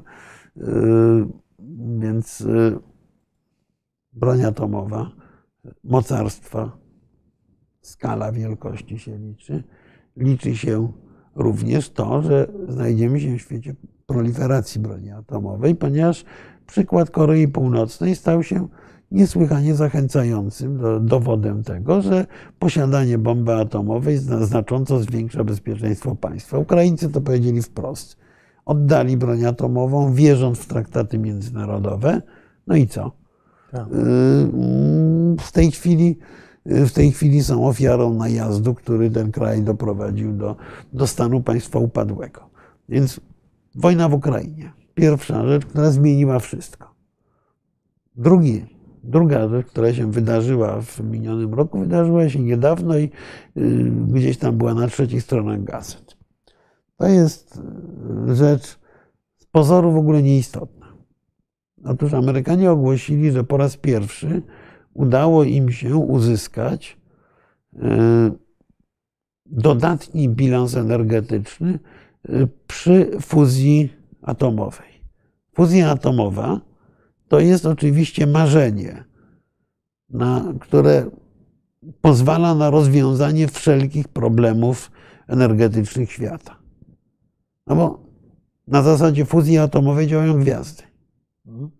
Tylko w tej fuzji atomowej udawało się do tej pory dokonywać w ten sposób, że trzeba było w materię władować tak dużo energii, żeby wytworzyć temperaturę iluś tam tysięcy stopni, że ilość energii włożonej była większa niż uzyskana z tej niewielkiej. A tu mamy tej, bilans dodatni. W tej chwili po raz pierwszy więcej energii uzyskano niż włożono w to wszystko. Oczywiście to jest daleka droga, ale to jest sygnał, że być może nasze dyskusje o ropie, gazie, biogazowniach, e, e, wiatrakach i tak dalej są w ogóle pozbawione sensu, wodorze, bo za chwilę będzie, bo za chwilę będzie źródło nieograniczonej energii. To zaczyna być na wyciągnięcie ręki, a znaczy, Oczywiście, o, oczywiście ktoś powie, popukajcie się w głowy, tam jajogłowi, dyskutujecie o atomowych fuzjach, czymś tam innym. Natomiast ja chciałem przypomnieć, że wojna w Ukrainie, ale nie tylko wojna w Ukrainie, w ogóle cała nowa geografia światowa tak naprawdę wzięła się z tego, że e, koledzy amerykańscy uruchomili e, e, łupko, wydobycie ropy i gazu łupkowego. Opowiadano też o tym ropie i gazie łupkowym przecież jako mm, żelaznym wilku. Prawda? Albo były jakieś bajki, że w Polsce te, te łupki tutaj, prawda, zaraz będziemy Kuwejtem, a przynajmniej tak, Katarem. Yy, albo, że to jest nic nie warte. Otóż poważne państwo, jakim są Stany Zjednoczone, poważne państwo, jakim jest Kanada, zabrały się do roboty.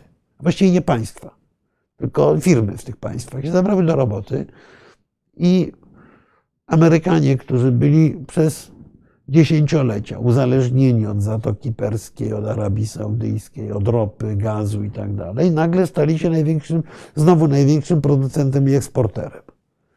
A obok mają Kanadę, która ma jeszcze więcej tego wszystkiego i właściwie na razie nieograniczone zasoby węglowodorów y, kopalnych.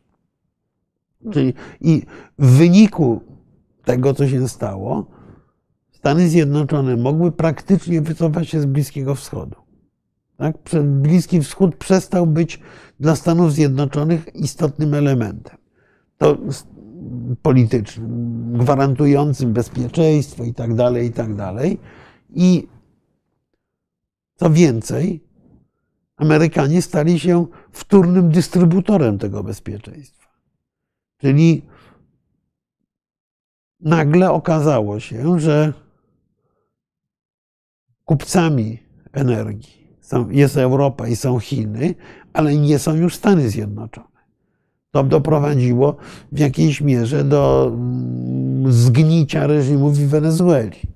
Tak? Bo, bo mm, amerykański, Amerykanom nie była już potrzebna ropa wenezuelska. Y, kolejne jedno z ważniejszych wydarzeń mijającego roku, znaczy zamykając tę sprawę fuzji, pojawiła się, pojawiło się światełko w tunelu, że problemy energetyczne mogą być rozwiązane w sposób kompletnie niespodziewany do niedawna. Czyli to ten złoty gral energii został odnaleziony. Teraz jest pytanie, czy będziemy w stanie doprowadzić do przemysłowego, do przemysłowego y, zastosowania tych, te, te, tego modelu fuzji, fuzji atomowej. prawdopodobnie, prawdopodobnie będziemy do tego, do tego szybko dążyli. No bo to by nam załatwiało problemy energetyczne. Czyli to drugie wydarzenie według mnie w skali ważności to jest to, to, to, to, to jest tych paru gości w laboratorium, którzy przeprowadzili tę fuzję energetyczną. Potencjał jest taki, że to wydarzenie się okaże najważniejszym nawet w, perspe w perspektywie dekad. Trzecie niesłychanie ważne wydarzenie i mało optymistyczne zeszłego roku to jest zjazd partii chińskiej, a właściwie nawet coś innego. E, ewolucja systemu władzy w Chińskiej Republice Ludowej, która doprowadziła do tego, że e, pewne dziwaczna hybryda e, zawierająca elementy rynku i pewne elementy wolności w połączeniu z totalitarnym systemem zarządzania i półpaństwową gospodarką, stworzona jakimś cudem przez Deng Xiaopinga, została zakwestionowana. Że Xi Jinping, mimo że syn działacza partyjnego, który był represjonowany w czasach Mao Zedonga, w istocie wrócił do modelu Mao, tylko ten powrót do modelu Mao y, y, sprowadzi, y, sprowadza Chiny na, na zupełnie inną drogę niż do tej pory. To znaczy, Chiny dużo bardziej zaczynają akcentować czynnik imperialny w swojej polityce, czego nigdy nie czyniły, bo opowieść chińska E, była opowieścią o tym, że Chiny chcą poprzez współpracę gospodarczą, poprzez e, inwestycje, budowę e, pasa i szlaku, chcą wzmacniać swoją pozycję międzynarodową. Xi na zjeździe, ale również w całej kampanii przedzjazdowej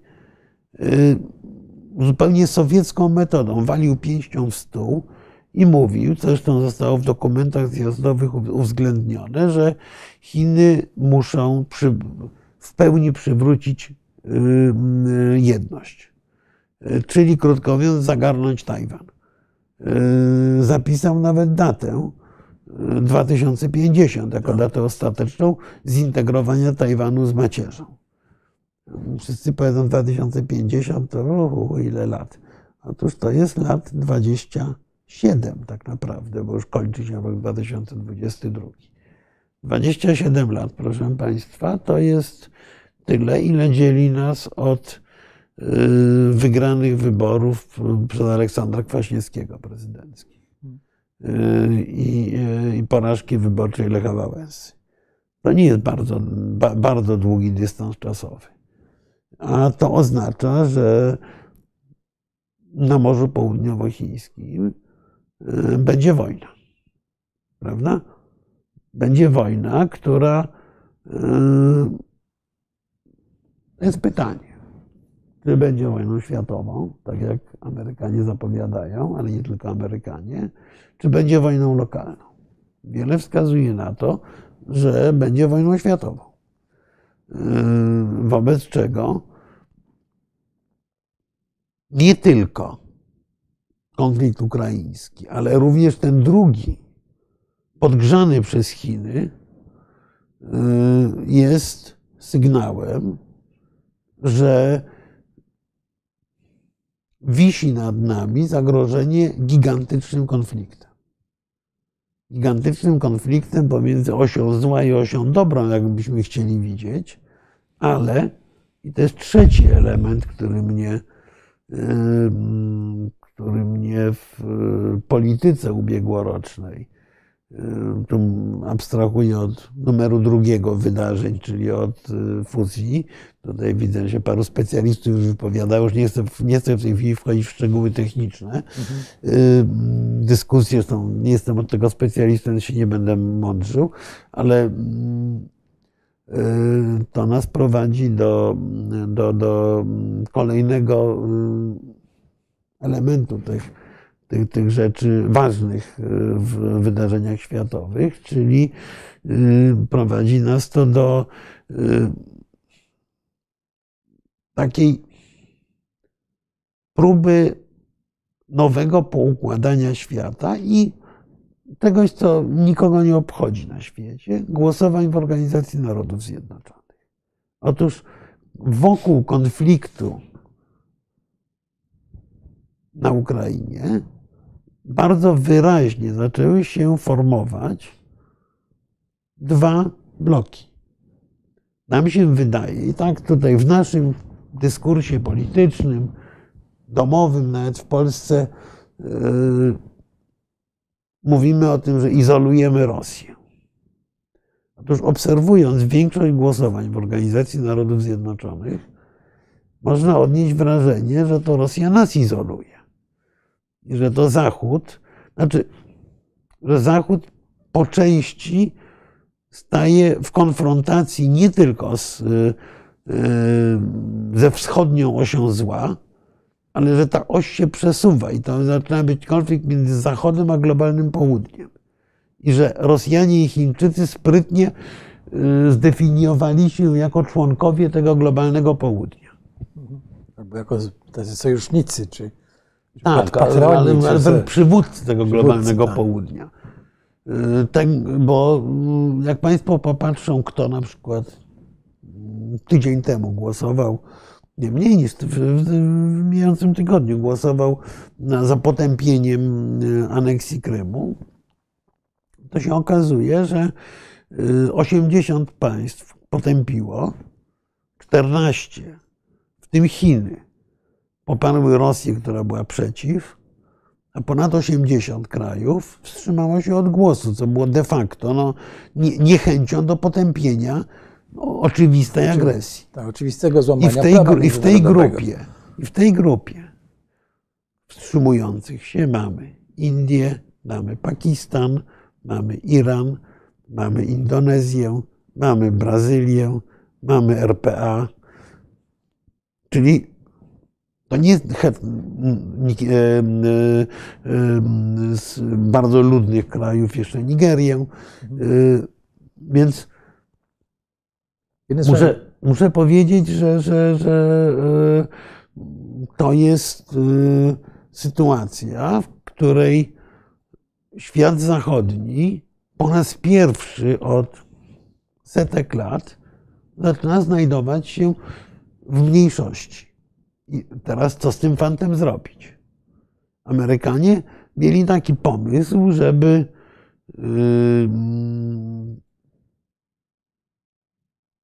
odizolować Rosję, dokleić do Rosji jako członka osi zła Chin i y, wyraźnie odciąć je od technologii i tak dalej, i tak.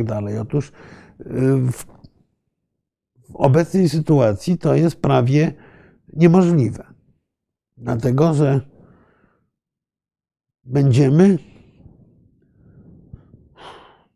będziemy musieli jako świat zachodni zabiegać o te kraje, choćby dlatego, że nam brakuje rąk do pracy.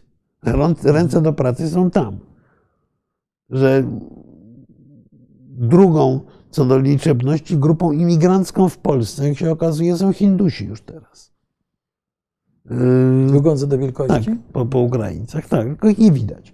Mhm. Więc do, ostatnio mi ktoś ze specjalistów od, od, od, tych demograficznych badań powiedział, niezwykle mi to zdziwiło. Nie sprawdzałem, więc podaję to jako, jako przypuszczenie, o którym, które usłyszałem. Natomiast. No, w okolicy mamy dwie na przykład restauracje indyjskie, tak. gdzie rzeczywiście są. E, no i nie tylko restauracje, no.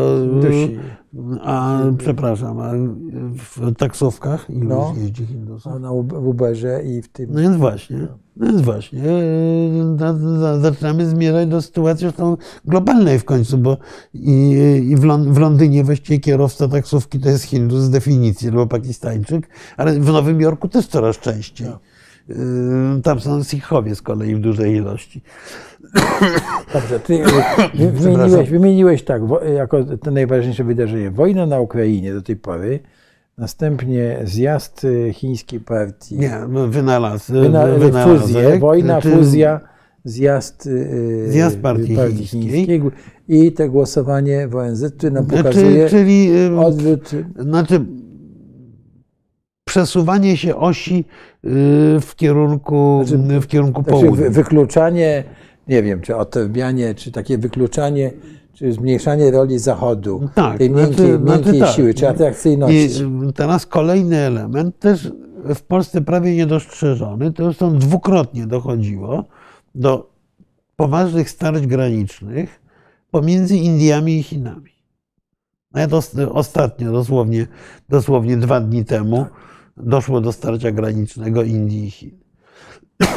Pierwsze, z tego się pół świata śmiało, to było e, za pomocą broni białej. Tak, no bo tam Co i były- tak było- uk- układ był taki, że nie Tak. mogły być P i Tak, tak, obydwa na, kraje na, tej, że na tej granicy tak nie, nie mieli broni. Zdaje się, że Hindusi, pałki jak najbardziej.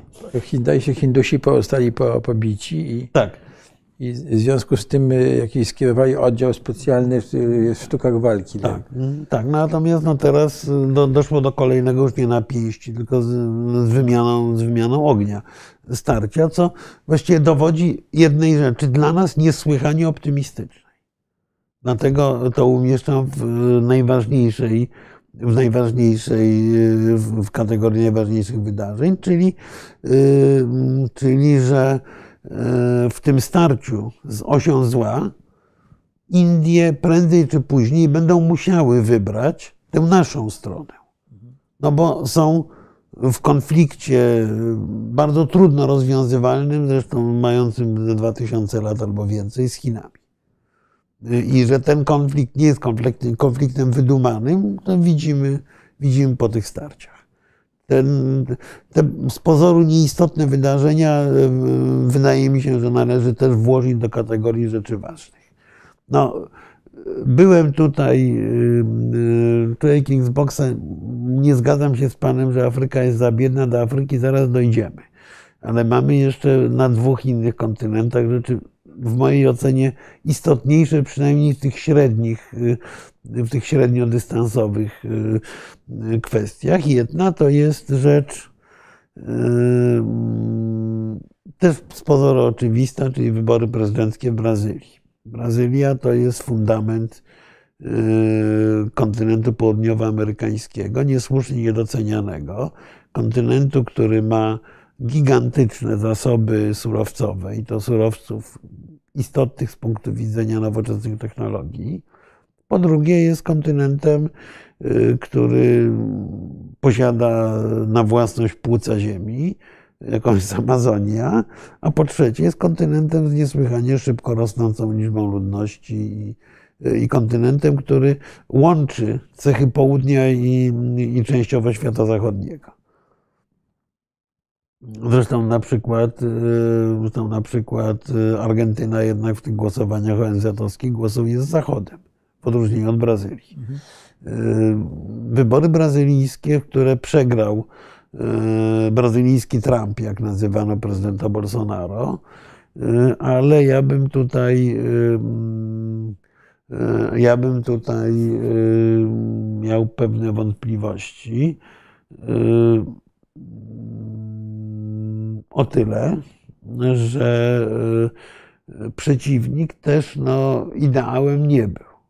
Ignacio Lula da Silva, da Silva spędził lata w- więzienia za korupcję i y, bez względu na to, czy on był słusznie za, osądzony, czy nie, bo to jest różnie interpretowane, niewątpliwie i on, i jego następczyni Dilma Rousseff byli odpowiedzialni za moralną degradację elit brazylijskich, po- pogrążenie się ich w korupcji takie, że do władzy doszedł Bolsonaro, który z kolei y, no, szybkim krokiem zmierzał ku katastrofie ekologicznej, działając w interesie, działając w interesie grup oligarchicznych. Tak czy inaczej, ta, ta, ta, walka, ta walka doprowadziła do pewnego rozchwiania Brazylii. Brazylii, która przestała aspirować. To jest jakby początek tego, odwiązanie do poprzedniego o dwa punkty wyprzedzającego wydarzenia, czyli, y, czyli do, do tej rosnącej samotności Zachodu. Brazylia przestała mówić o sobie jako o Zachodzie tak naprawdę. Y, I to i Brazylia Bolsonaro, i Brazylia da Silva. Y, myślę, że to jest też pewien sygnał, emancypacji kontynentu południowoamerykańskiego, ale emancypacji idącej w kierunku wcale nie tak, y, y, wcale nie tak mało mm, optymistycznym z naszego punktu widzenia. Więc te, te wybory, które były, że pozwolę sobie zacytować dawną ocenę wyborów amerykańskich, która wyszła z ust premiera Morawieckiego, wyborem trochę między dwoma cholerą, wskazują na to, że, że procesy polityczne w Brazylii, ale procesy polityczne w całej Ameryce Południowej, przypominam, że jeszcze tam mieliśmy teraz próbę zamachu stanu y, w Peru, y, kraj jest kompletnie podminowany, y, bardzo podobna sytuacja w Ekwadorze, kompletnie sypiąca się Wenezuela, postępująca destabilizacja Kolumbii. No gdzie popatrzeć, to coś się dzieje nie tak. Właściwie jedno Chile się jako tak otrzyma w tym, w tym wszystkim. No i oczywiście po dzisiejszym sukcesie, no to, to Argentyna, władze w Argentynie się niewątpliwie bardzo wzmocnią. Chociaż decyzja prezydenta, żeby nie jechać do Kataru, bo będzie z narodem oglądał przed telewizorem, pewnie ze względu na sukces spowoduje, że, będą go krytykować. Ale to już jak. No to zobaczymy, to ciekawe. To, to, to taki, taki mały, znaczy, jak mówisz mały drobiazg. Ale... Jak mówisz o Argentynie, no to przypomnijmy, że Argentyna w latach 30. ubiegłego wieku była jednym z najbogatszych była krajów. czwartym, czwartym co do bogactwa krajem stąd, świata. Tak. Stąd były prawda, e, te wszystkie emigracje polskie, prawda, tak autem w durkę, prawda, i tak lądowali. No nie, no ale on wylądował na drogę przez przypadek, no ale jednak. Ale, ale, ale dużo, dużo polo, prawda, tak. I, nie, ale... I ten kraj po prostu, to, to jest, e, e, niech to będzie takie memento dla nas, jak ten kraj, e, prawda, upadł, to był długi upadek, no tak, no, ale to rządy Perona, które, tak. który do tej pory jest kochany przez naród, tak. yy, doprowadziły do ruiny. A właściwie ten kryzys się do dzisiaj nie, nie skończył, tak. tak prawda, który oni spowodowali. No tu jeszcze pan zaznacza, że Urugwaj jest stabilny. Owszem, nawet miał, miał tego prezydenta, który jeździł starym Volkswagenem.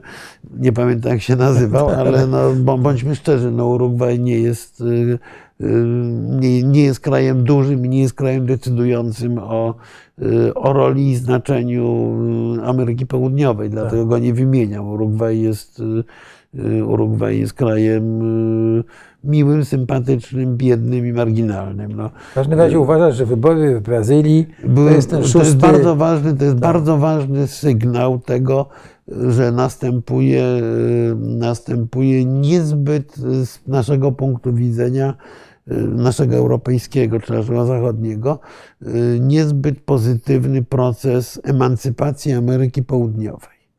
Y, przejście Ameryki Południowej w kierunku takiego, znaczy odejście od, od bycia Zachodem. O, to było ambicją y, południowej Ameryki od, od zawsze, bycia, bycia częścią cywilizacji zachodniej, prawda?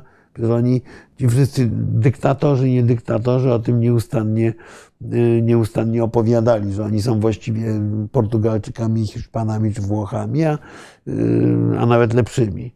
Y, więc i, i nagle, nagle tam jest znowu coraz bardziej strefa wpływów chińskich, duże sympatie do Rosji w wielu krajach, no nie mówiąc o, oczywiście o tym, że, że, że Rosjanie buszują po, na, przykład, po, na przykład po Wenezueli jak, jak zający w kapuście, no to, to wiadomo. Chińczycy podobnie. Wobec tego to, że wybory brazylijskie były wybory pomiędzy lewicowym i prawicowym populistą, że Brazylia nie, nie była w stanie się wyzwolić z takiego mm, uścisku tych grup korupcyjnych, to jest bardzo niedobry sygnał. No ale dobre jest to, że dotrzymano wyników wyborów. Także no, nie, no, dobre jest to, tak, nie że. Bolsonaro w odróżnieniu od Trumpa nie, nie, nie poszedł Tak, nie zdobył e, zdobywać parlamentu. To, to, to jest fakt, ale skoro mówimy o wyborach, to mamy kolejny niesłychanie istotny symbol, sygnał i wydarzenie numer 8 w tej chwili. Tak. Mianowicie kolejne wybory. Yy, To, jest, to są wybory połówkowe w Stanach Zjednoczonych. One są dlatego ważne, że wszystkie znaki na niebie i na ziemi wskazywały, że demokraci doznają klęski, demokraci osiągnęli najlepszy wynik od czasu yy, wyborów połówkowych, od czasu wyborów, yy, to republikanie akurat wtedy, od czasu wyborów yy, po ataku na World Trade Center, a wcześniej chyba tak dobry wynik wyborów połówkowych to są lata 30. Wszystkie pozostałe były gorsze. Przy niskim poziomie popularności Joe Bidena, przy mnóstwie pretensji do rządzących demokratów, nagle okazuje się, że jednak y, dwa czynniki.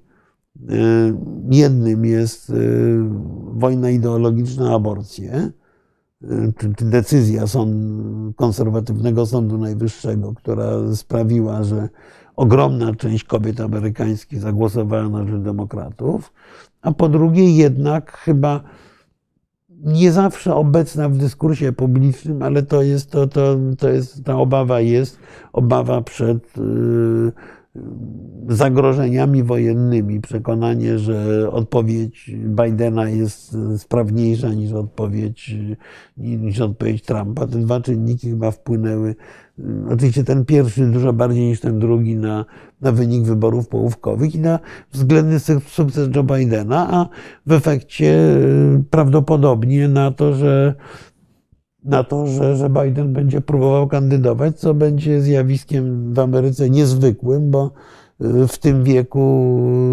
nigdy prezydent, y, nigdy prezydent sta- nie, tego wieku, w którym Biden będzie kandydował, chyba nie osiągnął wcześniej żaden prezydent Stanów Zjednoczonych. Ty się na Stanach Zjednoczonych znasz lepiej, więc, więc yy, może mi poprawisz. Ale chyba tak. Także co to oznacza? To oznacza tyle, że podział kulturowy wśród amerykańskich wyborców zaczyna przeważać nad, nad takim klasycznym dla Stanów Zjednoczonych podziałem ekonomicznym.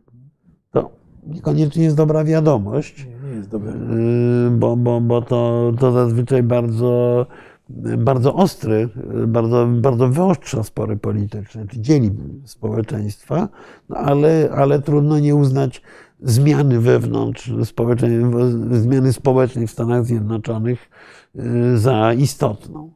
Yy, Teraz yy, rzecz, która znowu jest może, może mało, mało w Polsce widoczna, ale y, o której chciałbym powiedzieć, to, jest, to są trzy, trzy elementy. To będzie ósmy punkt. Nie, dopiero 89, to źle liczę. Nie, to, to zaraz jeszcze policzymy od początku. Dobra, Ale... to jest Afryka. No To właśnie. jest Afryka, y, w której y, wydarzyły się rzeczy następujące. Niesłychanie krwawa y, y, wojna y, domowa w Etiopii, y, gdzie y, dowódca, przywódca, prezydent Etiopii, y, skądinąd nagrodzony Nagrodą Nobla, zaczął być ścigany, oskarżany o ludobójstwo, y, ale ale ten konflikt Tigrajczyków i, i Etiopczyków jest, jest jednym z elementów układania bardzo trudnej sytuacji na wschodzie Afryki. Na wschodzie Afryki mamy w tej chwili cień wojny o wodę, bo pamiętajmy, że Sudan, nie, Etiopia właśnie przecież uruchamia tamę na Nilu, I y, dla Sudanu i dla Egiptu jest to kazus belli. Oba te kraje myślą o jakichś militarnych rozwiązaniach. W każdym razie nie, nie ma cały czas porozumienia w sprawie Nilu. I to jest pewien sygnał dotyczący przyszłości w ogóle. Sygnał dotyczący przyszłości w tym sensie, że y, prawdopodobnie tak jak toczyliśmy wojnę o ropę, za chwilę zaczniemy toczyć wojnę o wodę. W Afryce będzie to szczególnie widoczne, y, a y, Afryka jest w jakimś stopniu, ja jestem przekonany, że w dużym, przyszłością świata. Bo, bo surowce, bo demografia i tak dalej, i tak dalej. I nagle tej względnie spokojnej, względnie cywilizowanej części Afryki mamy erupcję konfliktów. Etiopia, jak mówię, no, prezydent Etiopii, który był pewną nadzieją w ogóle tak. świata zachodniego. Znaczy zupełnie na nowy styl. Cywilizowany, tak, tak. nowy człowiek do pokoju doprowadził, po czym zaczyna wyżynać Tigrajczyków, yy, wchodzi w konflikt z sąsiadami, olbrzymimi państwami. Pamiętajmy, są olbrzymie państwa i, ludność, i, i ludnościowo, i terytorialnie. Tutaj nie wyobrażamy tego za bardzo, ale to są, to są setki milionów ludzi i, i terytoria wielokrotnie większe od, od Polski. Obszar, który miał być obszarem stabilnym, nagle jest bardzo mocno infiltrowany przez Rosjan. Przy czym Rosjanie oczywiście yy, poprzez grupę Wagnera głównie działają w Afryce subsaharyjskiej, ale i Chińczycy i Rosjanie coraz więcej uwagi poświęcają wschodowi Afryki. Róg Afryki to bada w Djibouti i tak dalej, to jest jedna rzecz, ale właśnie zaczynają powiększać swoją obecność w Etiopii, w Ugandzie, w Kongo. Kongo to jest kolejny konflikt z milionami ofiar w tej chwili toczący się w Afryce, więc Afryka próbuje zapanować nad całym tym boomem surowcowym, ale jednocześnie no jest, jest obszarem poddanym y, y, nie tylko wyzyskowi, ale coraz bardziej takiej próbie wtórnej kolonizacji. Już nie przez dawne kraje kolonialne, ale właśnie przez te nowe mocarstwa. Pytanie, na które, y, na które nie mam odpowiedzi, to jest pytanie, jak będzie wyglądała rola Indii w Afryce, bo my rzadko pamiętamy, że Afryka Południowa, czyli Afryka Wschodnia były w istotnym stopniu kolonizowane przez Hindusów. Co prawda przy współpracy z Brytyjczykami, ale jednak. No, kto, kto pamięta, że Mahatma Gandhi w RPA, no, w, w dzisiejszym RPA. A Tomasz Lewicki powiada, że Etiopia może, a nie musi podzielić los Jugosławii. No w istocie podzieliła, przy tym e, Etiopia, Somalia, Erytrea, to wszystko coraz bardziej pęka. Tak naprawdę jest podzielone na, na przeróżne byty plemienne, żeby być, e, e, być poważniejsze, to być, być poważniejszym, to, to, to, to, to trzeba powiedzieć, że z drugiej strony no, mamy do czynienia z jednym z najstarszych państw świata. Chrześcijańskich tak, zresztą. Chrześcijańskich, tak. tak.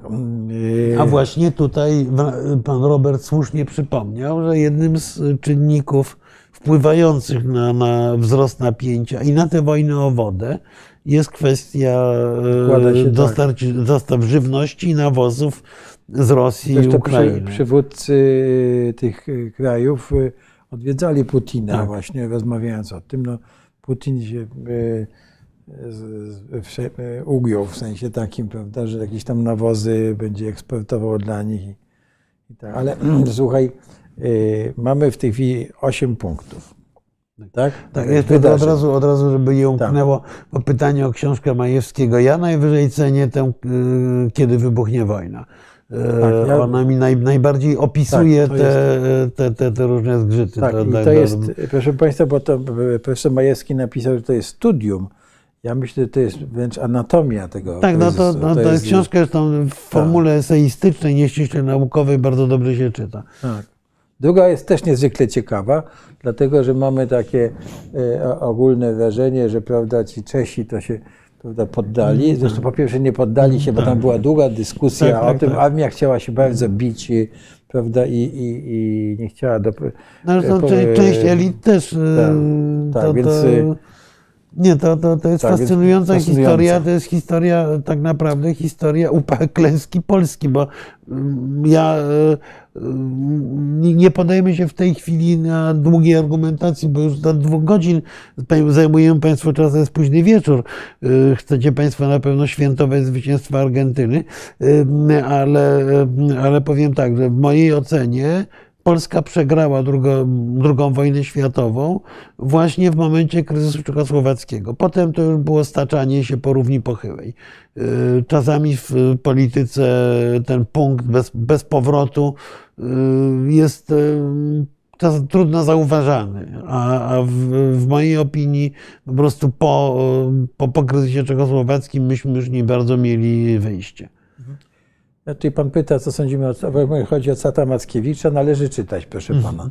Ca- Cała, ja Cat Mackiewicza uwielbiam. Tak, E, e, Uwielbiam i podzielam opinię, już szczerze mówiąc nie, nie pamiętam w tej chwili e, któregoś z czołowych publicystów międzywojennych, że e, Cata czyta się z zachwytem, żeby, często po to, żeby się z nim nie zgadzać, a ja się z nim często zgadzam. E, To, to, to, to, to niezwykle błyskotliwa publicystyka. E, Możemy kiedyś sobie debatę o jego książkach zrobić. Ja się Państwu przyznam, że e, jako e, to, to jak z radiowej o młodej lekarce, jako młody historyk kiedyś e, ja się mm, uważałem, że niezwykle fascynująca jest historia starożytna. Kiedyś w Bibliotece Jagiellońskiej przez przypadek, e, bo akurat coś tam, mm, czegoś mi nie, nie, nie dostarczono, e, sięgnąłem po tą klasyczną historię Polski Cata Mackiewicza. Siedząc w bibliotece pochłonąłem ten tom i od tego czasu zajmuję, zacząłem się zajmować się okresem międzywojennym profesjonalnie. Więc to, to jest moja odpowiedź na pytanie o E, Uwielbiam, choć często się z nim nie zgadzam. Tak. Dobrze, ale wróćmy do podsumowania roku, bo mamy osiem punktów, które Tak ja chciałbym Ci pow- powtórzyć, a Ty powiesz jeszcze dobrze. Po pierwsze, wojna e, Tak, na Ukrainie, o której powiedzieliśmy, zmieniła świat, naszą sytuację i właściwie do Tak, te- no i ma wiele wypustek w ogóle. Naszych, dotrze do naszych domów. Następnie fuzja y, ta energetyczna, tak? Następnie zjazd partii KPH. Tak, i Tak. No i ewolucja, ewolucja ewolucja Chińskiej Chin. Republiki Ludowej, Tak. imperializacja polityki Tak. chińskiej i zagrożenie dla chińskiej gospodarki, co jest też nie bez znaczenia, bo gospodarka Tutaj- chińska była pewną lokomotywą. Ym, Tutaj y, któryś z naszych y, widzów napisał, że Chiny eksportują na zachód bardzo dużo, wymienił nawet tam nie 70, 40, 70% swojej Tak. produkcji. Otóż e, pomysł chiński jest taki, żeby stworzyć ogromny rynek wewnętrzny, prawda, żeby on tak, wchłaniał no, tę Xi. Xi powiedział, że, koń, że kończymy z priorytetem eksportu. Tak. Oczywiście powiedział tak między innymi dlatego, że ten eksport siada, no bo y, Chiny też zdarzają się coraz bardziej z, bar z barierą przeróżnych blokad ze strony krajów zachodnich. No, historia y, Xiaomi czy, czy, czy Huawei'a, y, odciętych od pewnych, y, od pewnych technologii, od na przykład od, od obsługi niektórych se- serwisów internetowych, jest tego jednym z dowodów. No, ten rozpęd chińskiego eksportu wszystkich przeraził z lekka. Wobec tego y, z jednej strony włączono hamowanie, z drugiej strony y, jeden z pomysłów przecież na zmianę gospodarki y, świata zachodniego to jest powrót do produkcji. O tym mówił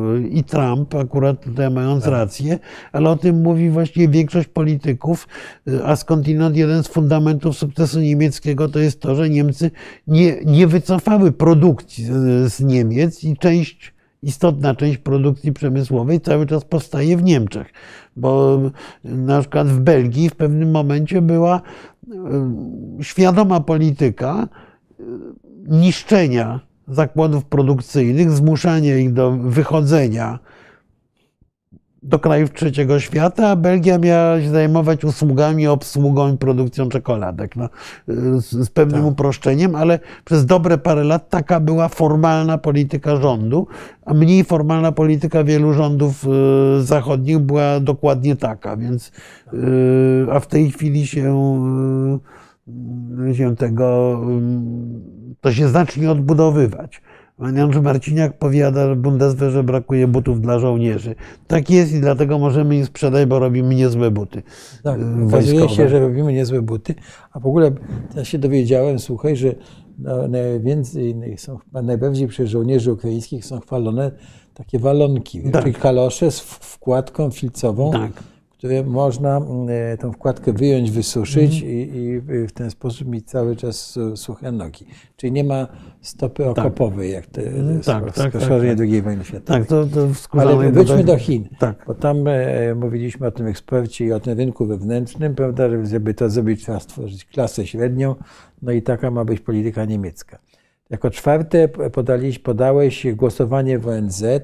To ostatnie, głosowania sprawie- w ONZ, które są sygnałem Tak, e, przesunięcia linii podziału wschód-zachód na zachód-południe tak Tak, naprawdę. to jest istotne, dlatego że naprawdę Zachód staje się mniejszością. Znaczy, Mm. Model zachodni przestaje być atrakcyjny, jak rozumiem, to, to chcieli, chciałeś po- powiedzieć. A ty, chyba, no nie wiem, czy model zachodni, model polityczny pewnie tak, Tak. E, a poza tym e, ja się obawiam, że my mamy jako Zachód e, wiele zachowań takich, jakie mamy jako Polska w tej chwili, czyli, e, czyli Zachód bije pięścią w stół i twierdzi, że tak ma być. Tak, czyli- Znaczy zatracił zdolność dialogu z tymi przeróżnymi, z tymi przeróżnymi grupkami, krajami, tak, które- dyktatorów, Tak. pół, półdemokratów i tak dalej, w sytuacji, kiedy mm, nie ma, właśnie to o czym mówimy, nie ma, nie ma siły, żeby narzucić swoje rozwiązania. Czyli tu, tupiemy nóżkami. E, tupiemy nogami, nie mając jednocześnie argumentów, Tak. a Chińczycy przyjeżdżają z pieniędzmi, dają kredyt, a potem na zasadzie lichwiarza duszą to państwo. Tak. Natomiast Rosjanie są najlepsi, bo niczego nie chcą, co prawda nic nie dają, ale przysyłają żołnierzy, żeby chronili dyktatora. E, No, no nie, Tak. No, nie, no, ale dostają kopalnię czy coś tam, wiesz. no, no nie, no to za ochronę coś muszą dostawać, No to normalne. E, Więc... e, Jako piąte wymieniłeś starcie na granicy Indii i Chin. Tak, czyli to znaczy e, sygnał, że e, spór chińsko-indyjski jest sporem e, trwałym, nierozwiązywalnym i pogłębiającym się. O, Znaczy, może tak. tam obydwa kraje budują taką infrastrukturę, które, tak, no ale które, bo do tej pory tam trzeba było się wspinać i tylko broń lekka była przynoszona. Mm, Teraz tak. budują infrastrukturę drogową, że można No, ale ciężko. pamiętajmy, że z kolei Chińczycy mają szatański pomysł, to podobieństwo do Afryki, odcięcia Chińczyków od tak, wody. Od wody, tak. Więc, No tak, bo wszystkie źródła wszystkich rzek no tak, no ale, są, ale są właśnie o ile, o ile o ropę sobie można postrzelać, o tyle wojny o wodę są zwykle straszliwie krwawe i to, to są, wo- bez ropy można przeżyć, bez wody nie. Może nie przeżyjesz. Następnie mówiliśmy jako szósty punkt wydarzeń, to są wybory w Brazylii, Tak. które, te- które są z kolei sygnałem ewolucji, którą przechodzi znaczna część Ameryki Południowej, niedostrzeganego w naszej perspektywie, ważnego kontynentu. Y, też niestety y, w związku z tymi głosowaniami w ONZ, czyli, y, Tak. czyli ewolucja ku y, czyli ewolucja ku y, zwycięstwu populizmu, może tak.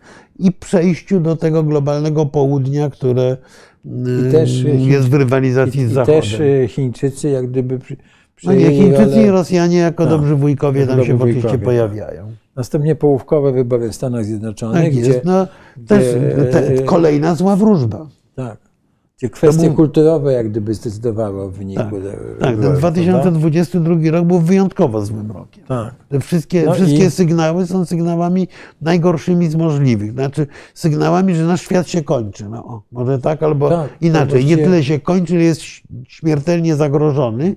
I to jest pytanie, o które y, wraca tutaj cały czas u Państwa o Niemcy, o to, o tamto. No więc y, y, to jest pytanie o to, czy my będziemy w stanie być na tyle, my, my Polacy, my Niemcy, my Francuzi, my Amerykanie, y, my Hiszpanie, bo to, to, to my jest szerokie stosunkowo, czy będziemy w stanie w sposób systemowy, konsekwentny i solidarny nasz świat, nasz model życia i nasze wartości obronić, bo one w tej chwili są i od zewnątrz, i od wewnątrz za moment zagrożone.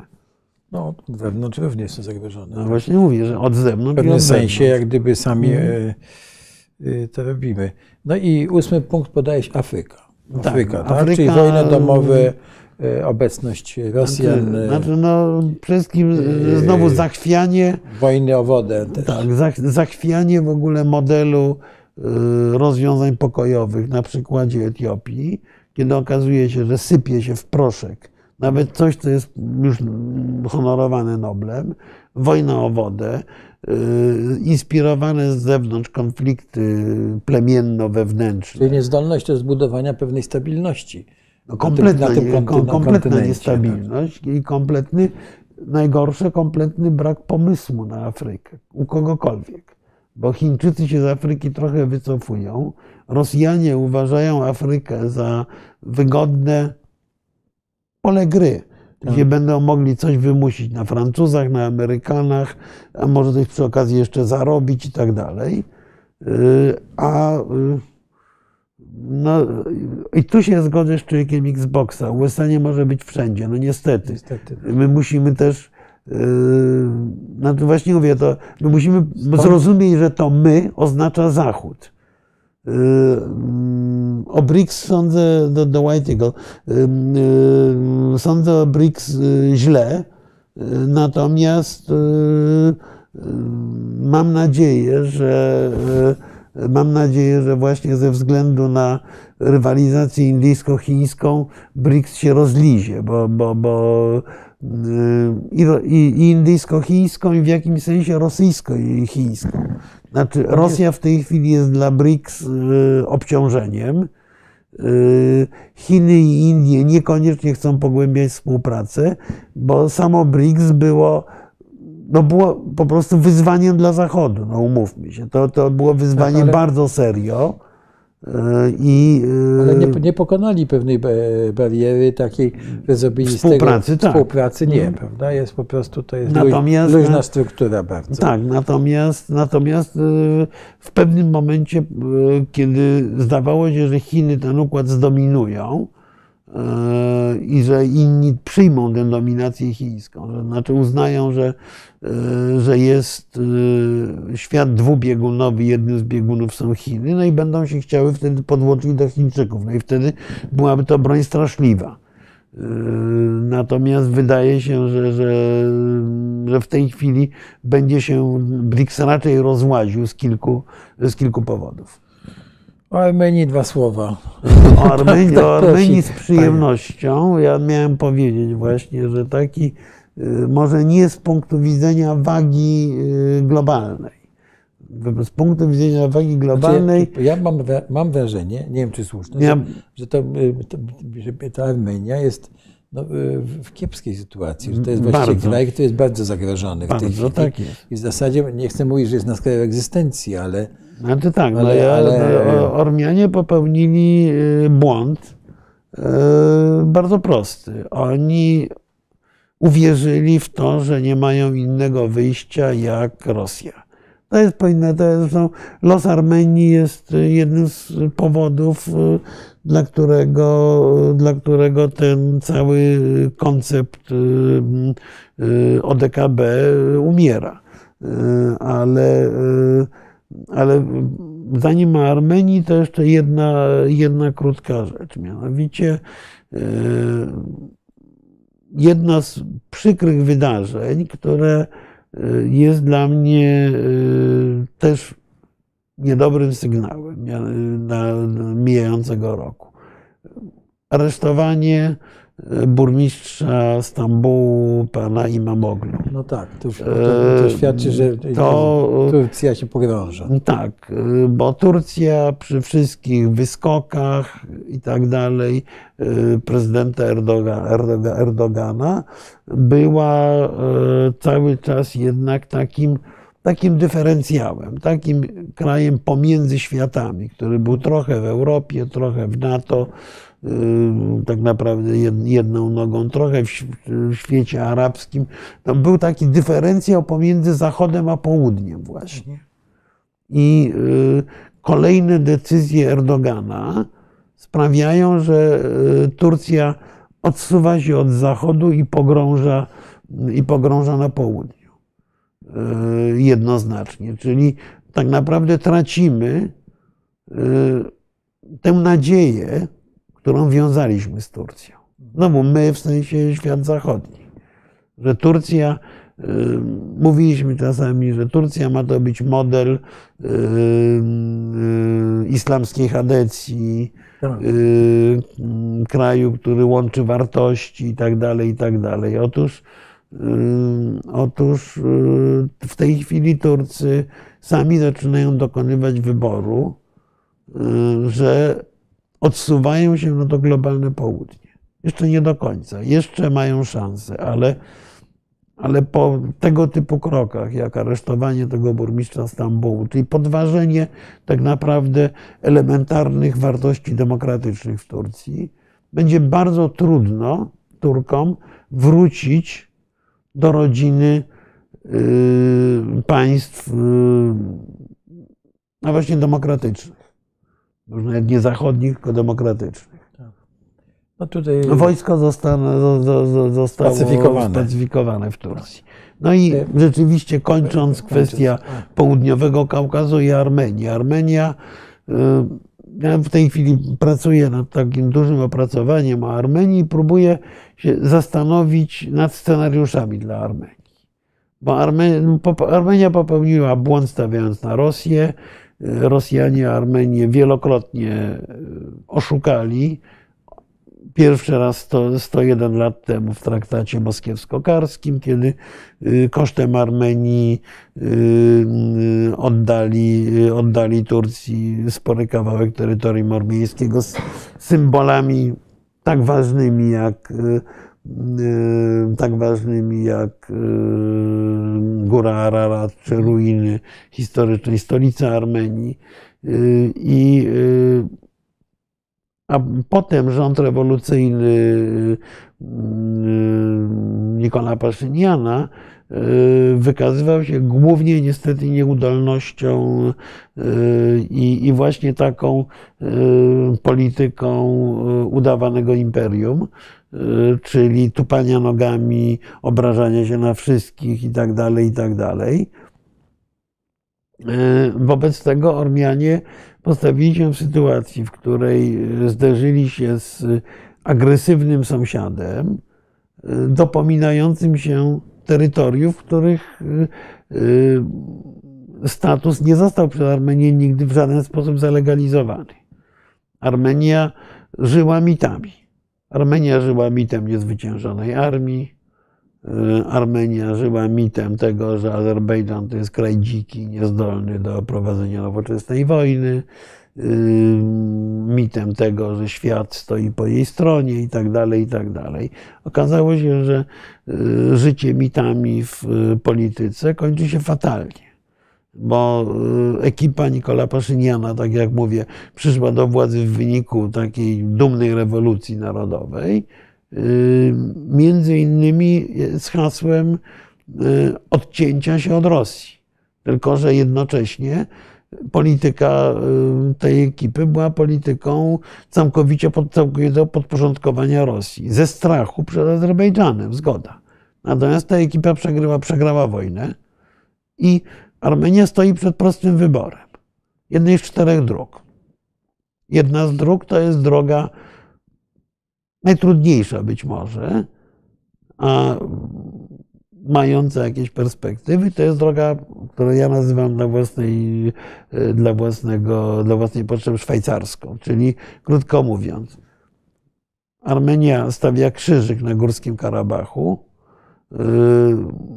dogaduje się czym prędzej z Turcją właśnie, nawet bardziej niż z Azerbejdżanem, normalizuje relacje z Turcją, otwiera się na y, komunikację przez Turcję na zachód, rezygnuje z baz rosyjskich, rezygnuje z y, silnej armii na rzecz bycia centrum finansowym obsługującym skłócone kraje regionu.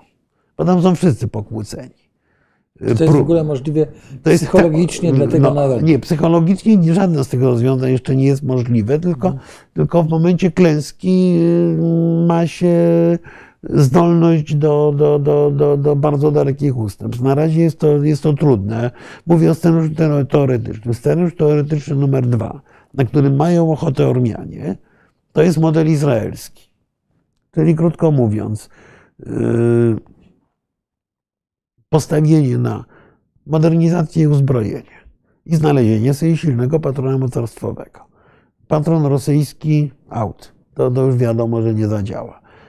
Czy Amerykanie się na taką rolę zgodzą i czy będą w, te, w tej roli efektywni? Wątpię. Może. Myślę, że mogą być patronem numer dwa. Paradoksalnie yy, mało kto myśli o czymś innym, że patronem mocarstwowym Armenii mogą stać się Indie. Indie potrzebują takich krajów, które byłyby ich ekspozytorami w regionach. Hindusi zresztą mają, myślą o Armenii trochę w tych kategoriach. Jest pytanie, czy Indie na przykład są w stanie zainwestować solidnie w uzbrojenie armii no, chyba nie są. Y, ormiańskiej. A dlaczego? No zobaczymy. Z punktu ale... widzenia Indii, y, no przepraszam, ale Armenia to jest, nawet nie wiem, czy to jest jedna dzielnica New Delhi. New Delhi. Y, no tak, ale, no to... ale wiesz, chodzi o to, że to trzeba zbudować no, e, obudować to takimi, wiesz, y, sojuszami. No przecież wiesz, no. to nie, nie będzie tak, że przecież Azerbejdżan by siedział i patrzył, jak e, mm, Armenia się no, zbroi, no, prawda? I tak, tylko, może... tylko Azerbejdżan tak. też jest... Y, Azerbejdżan jest uzależniony od Turcji. Tak, absolutnie. Y, wobec tego Azerbejdżan zrobi to, co każe Ankara.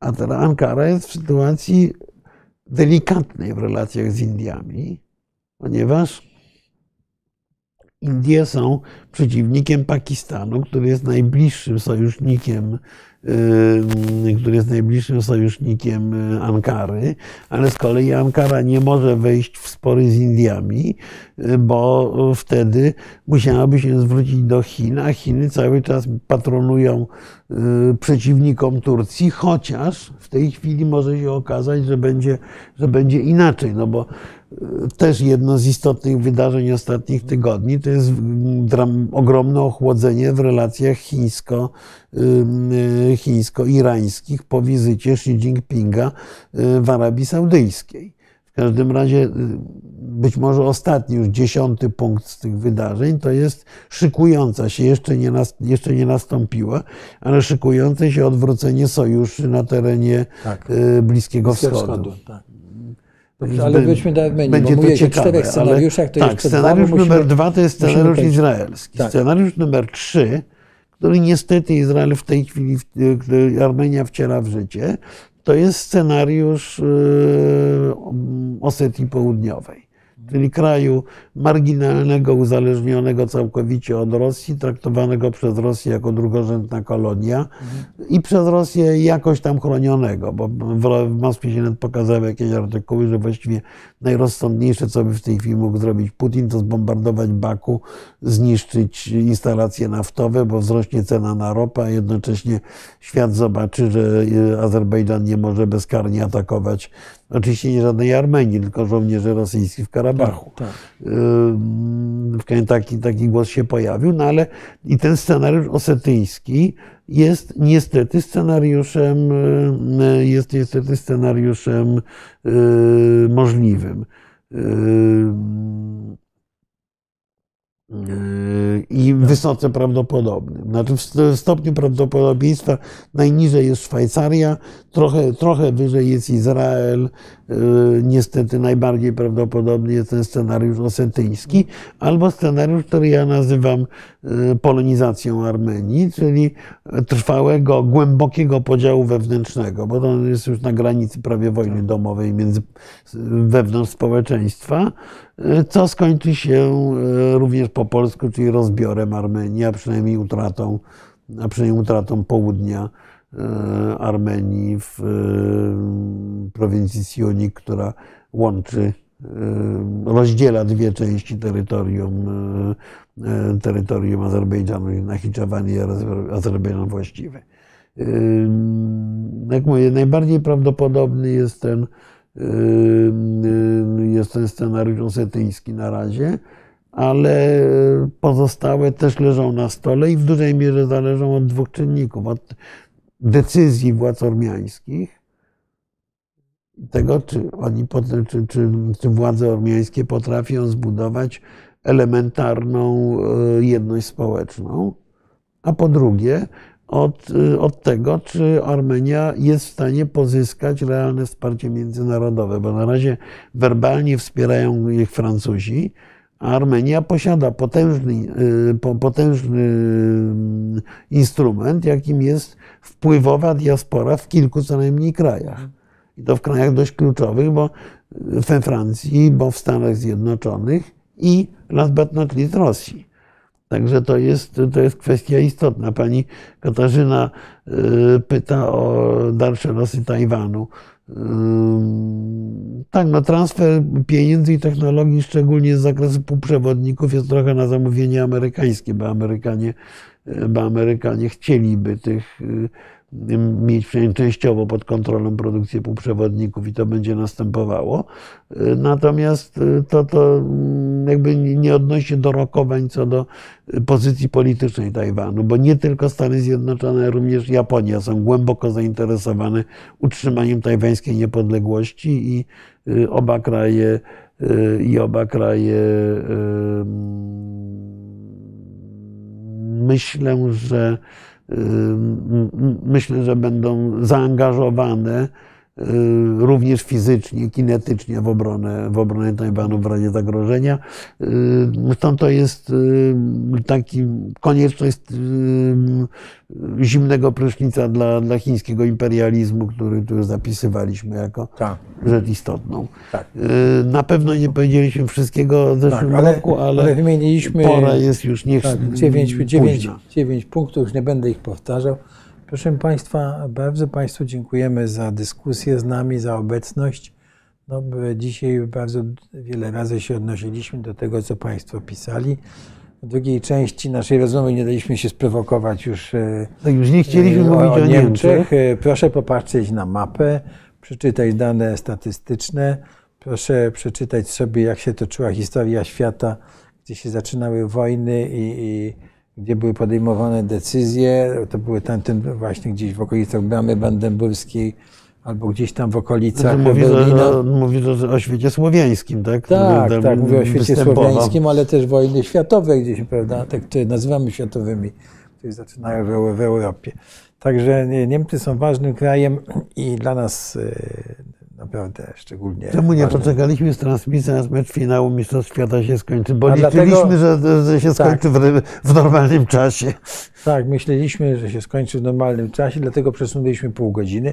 No ale Francuzi nam wszystko zepsuli, ale i, i tak przegrali. No. Jak zwykle ci Francuzi, ale Francuzi i Niemcy jak zwykle wszystko No tak, właśnie. Właśnie, proszę Państwa.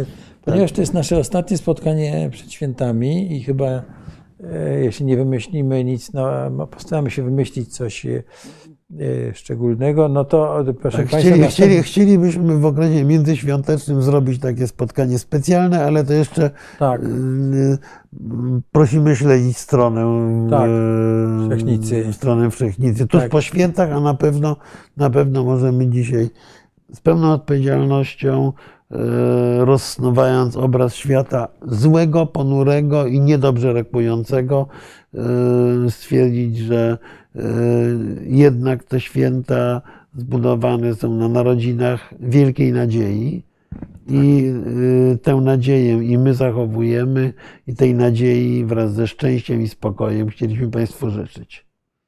Tak, także życzymy Państwu tak wszystkiego dobrego, spokojnych świąt i do zobaczenia. Bardzo Do dziękujemy. zobaczenia. Do Być zobaczenia może jeszcze w tym roku. jeszcze w tym roku.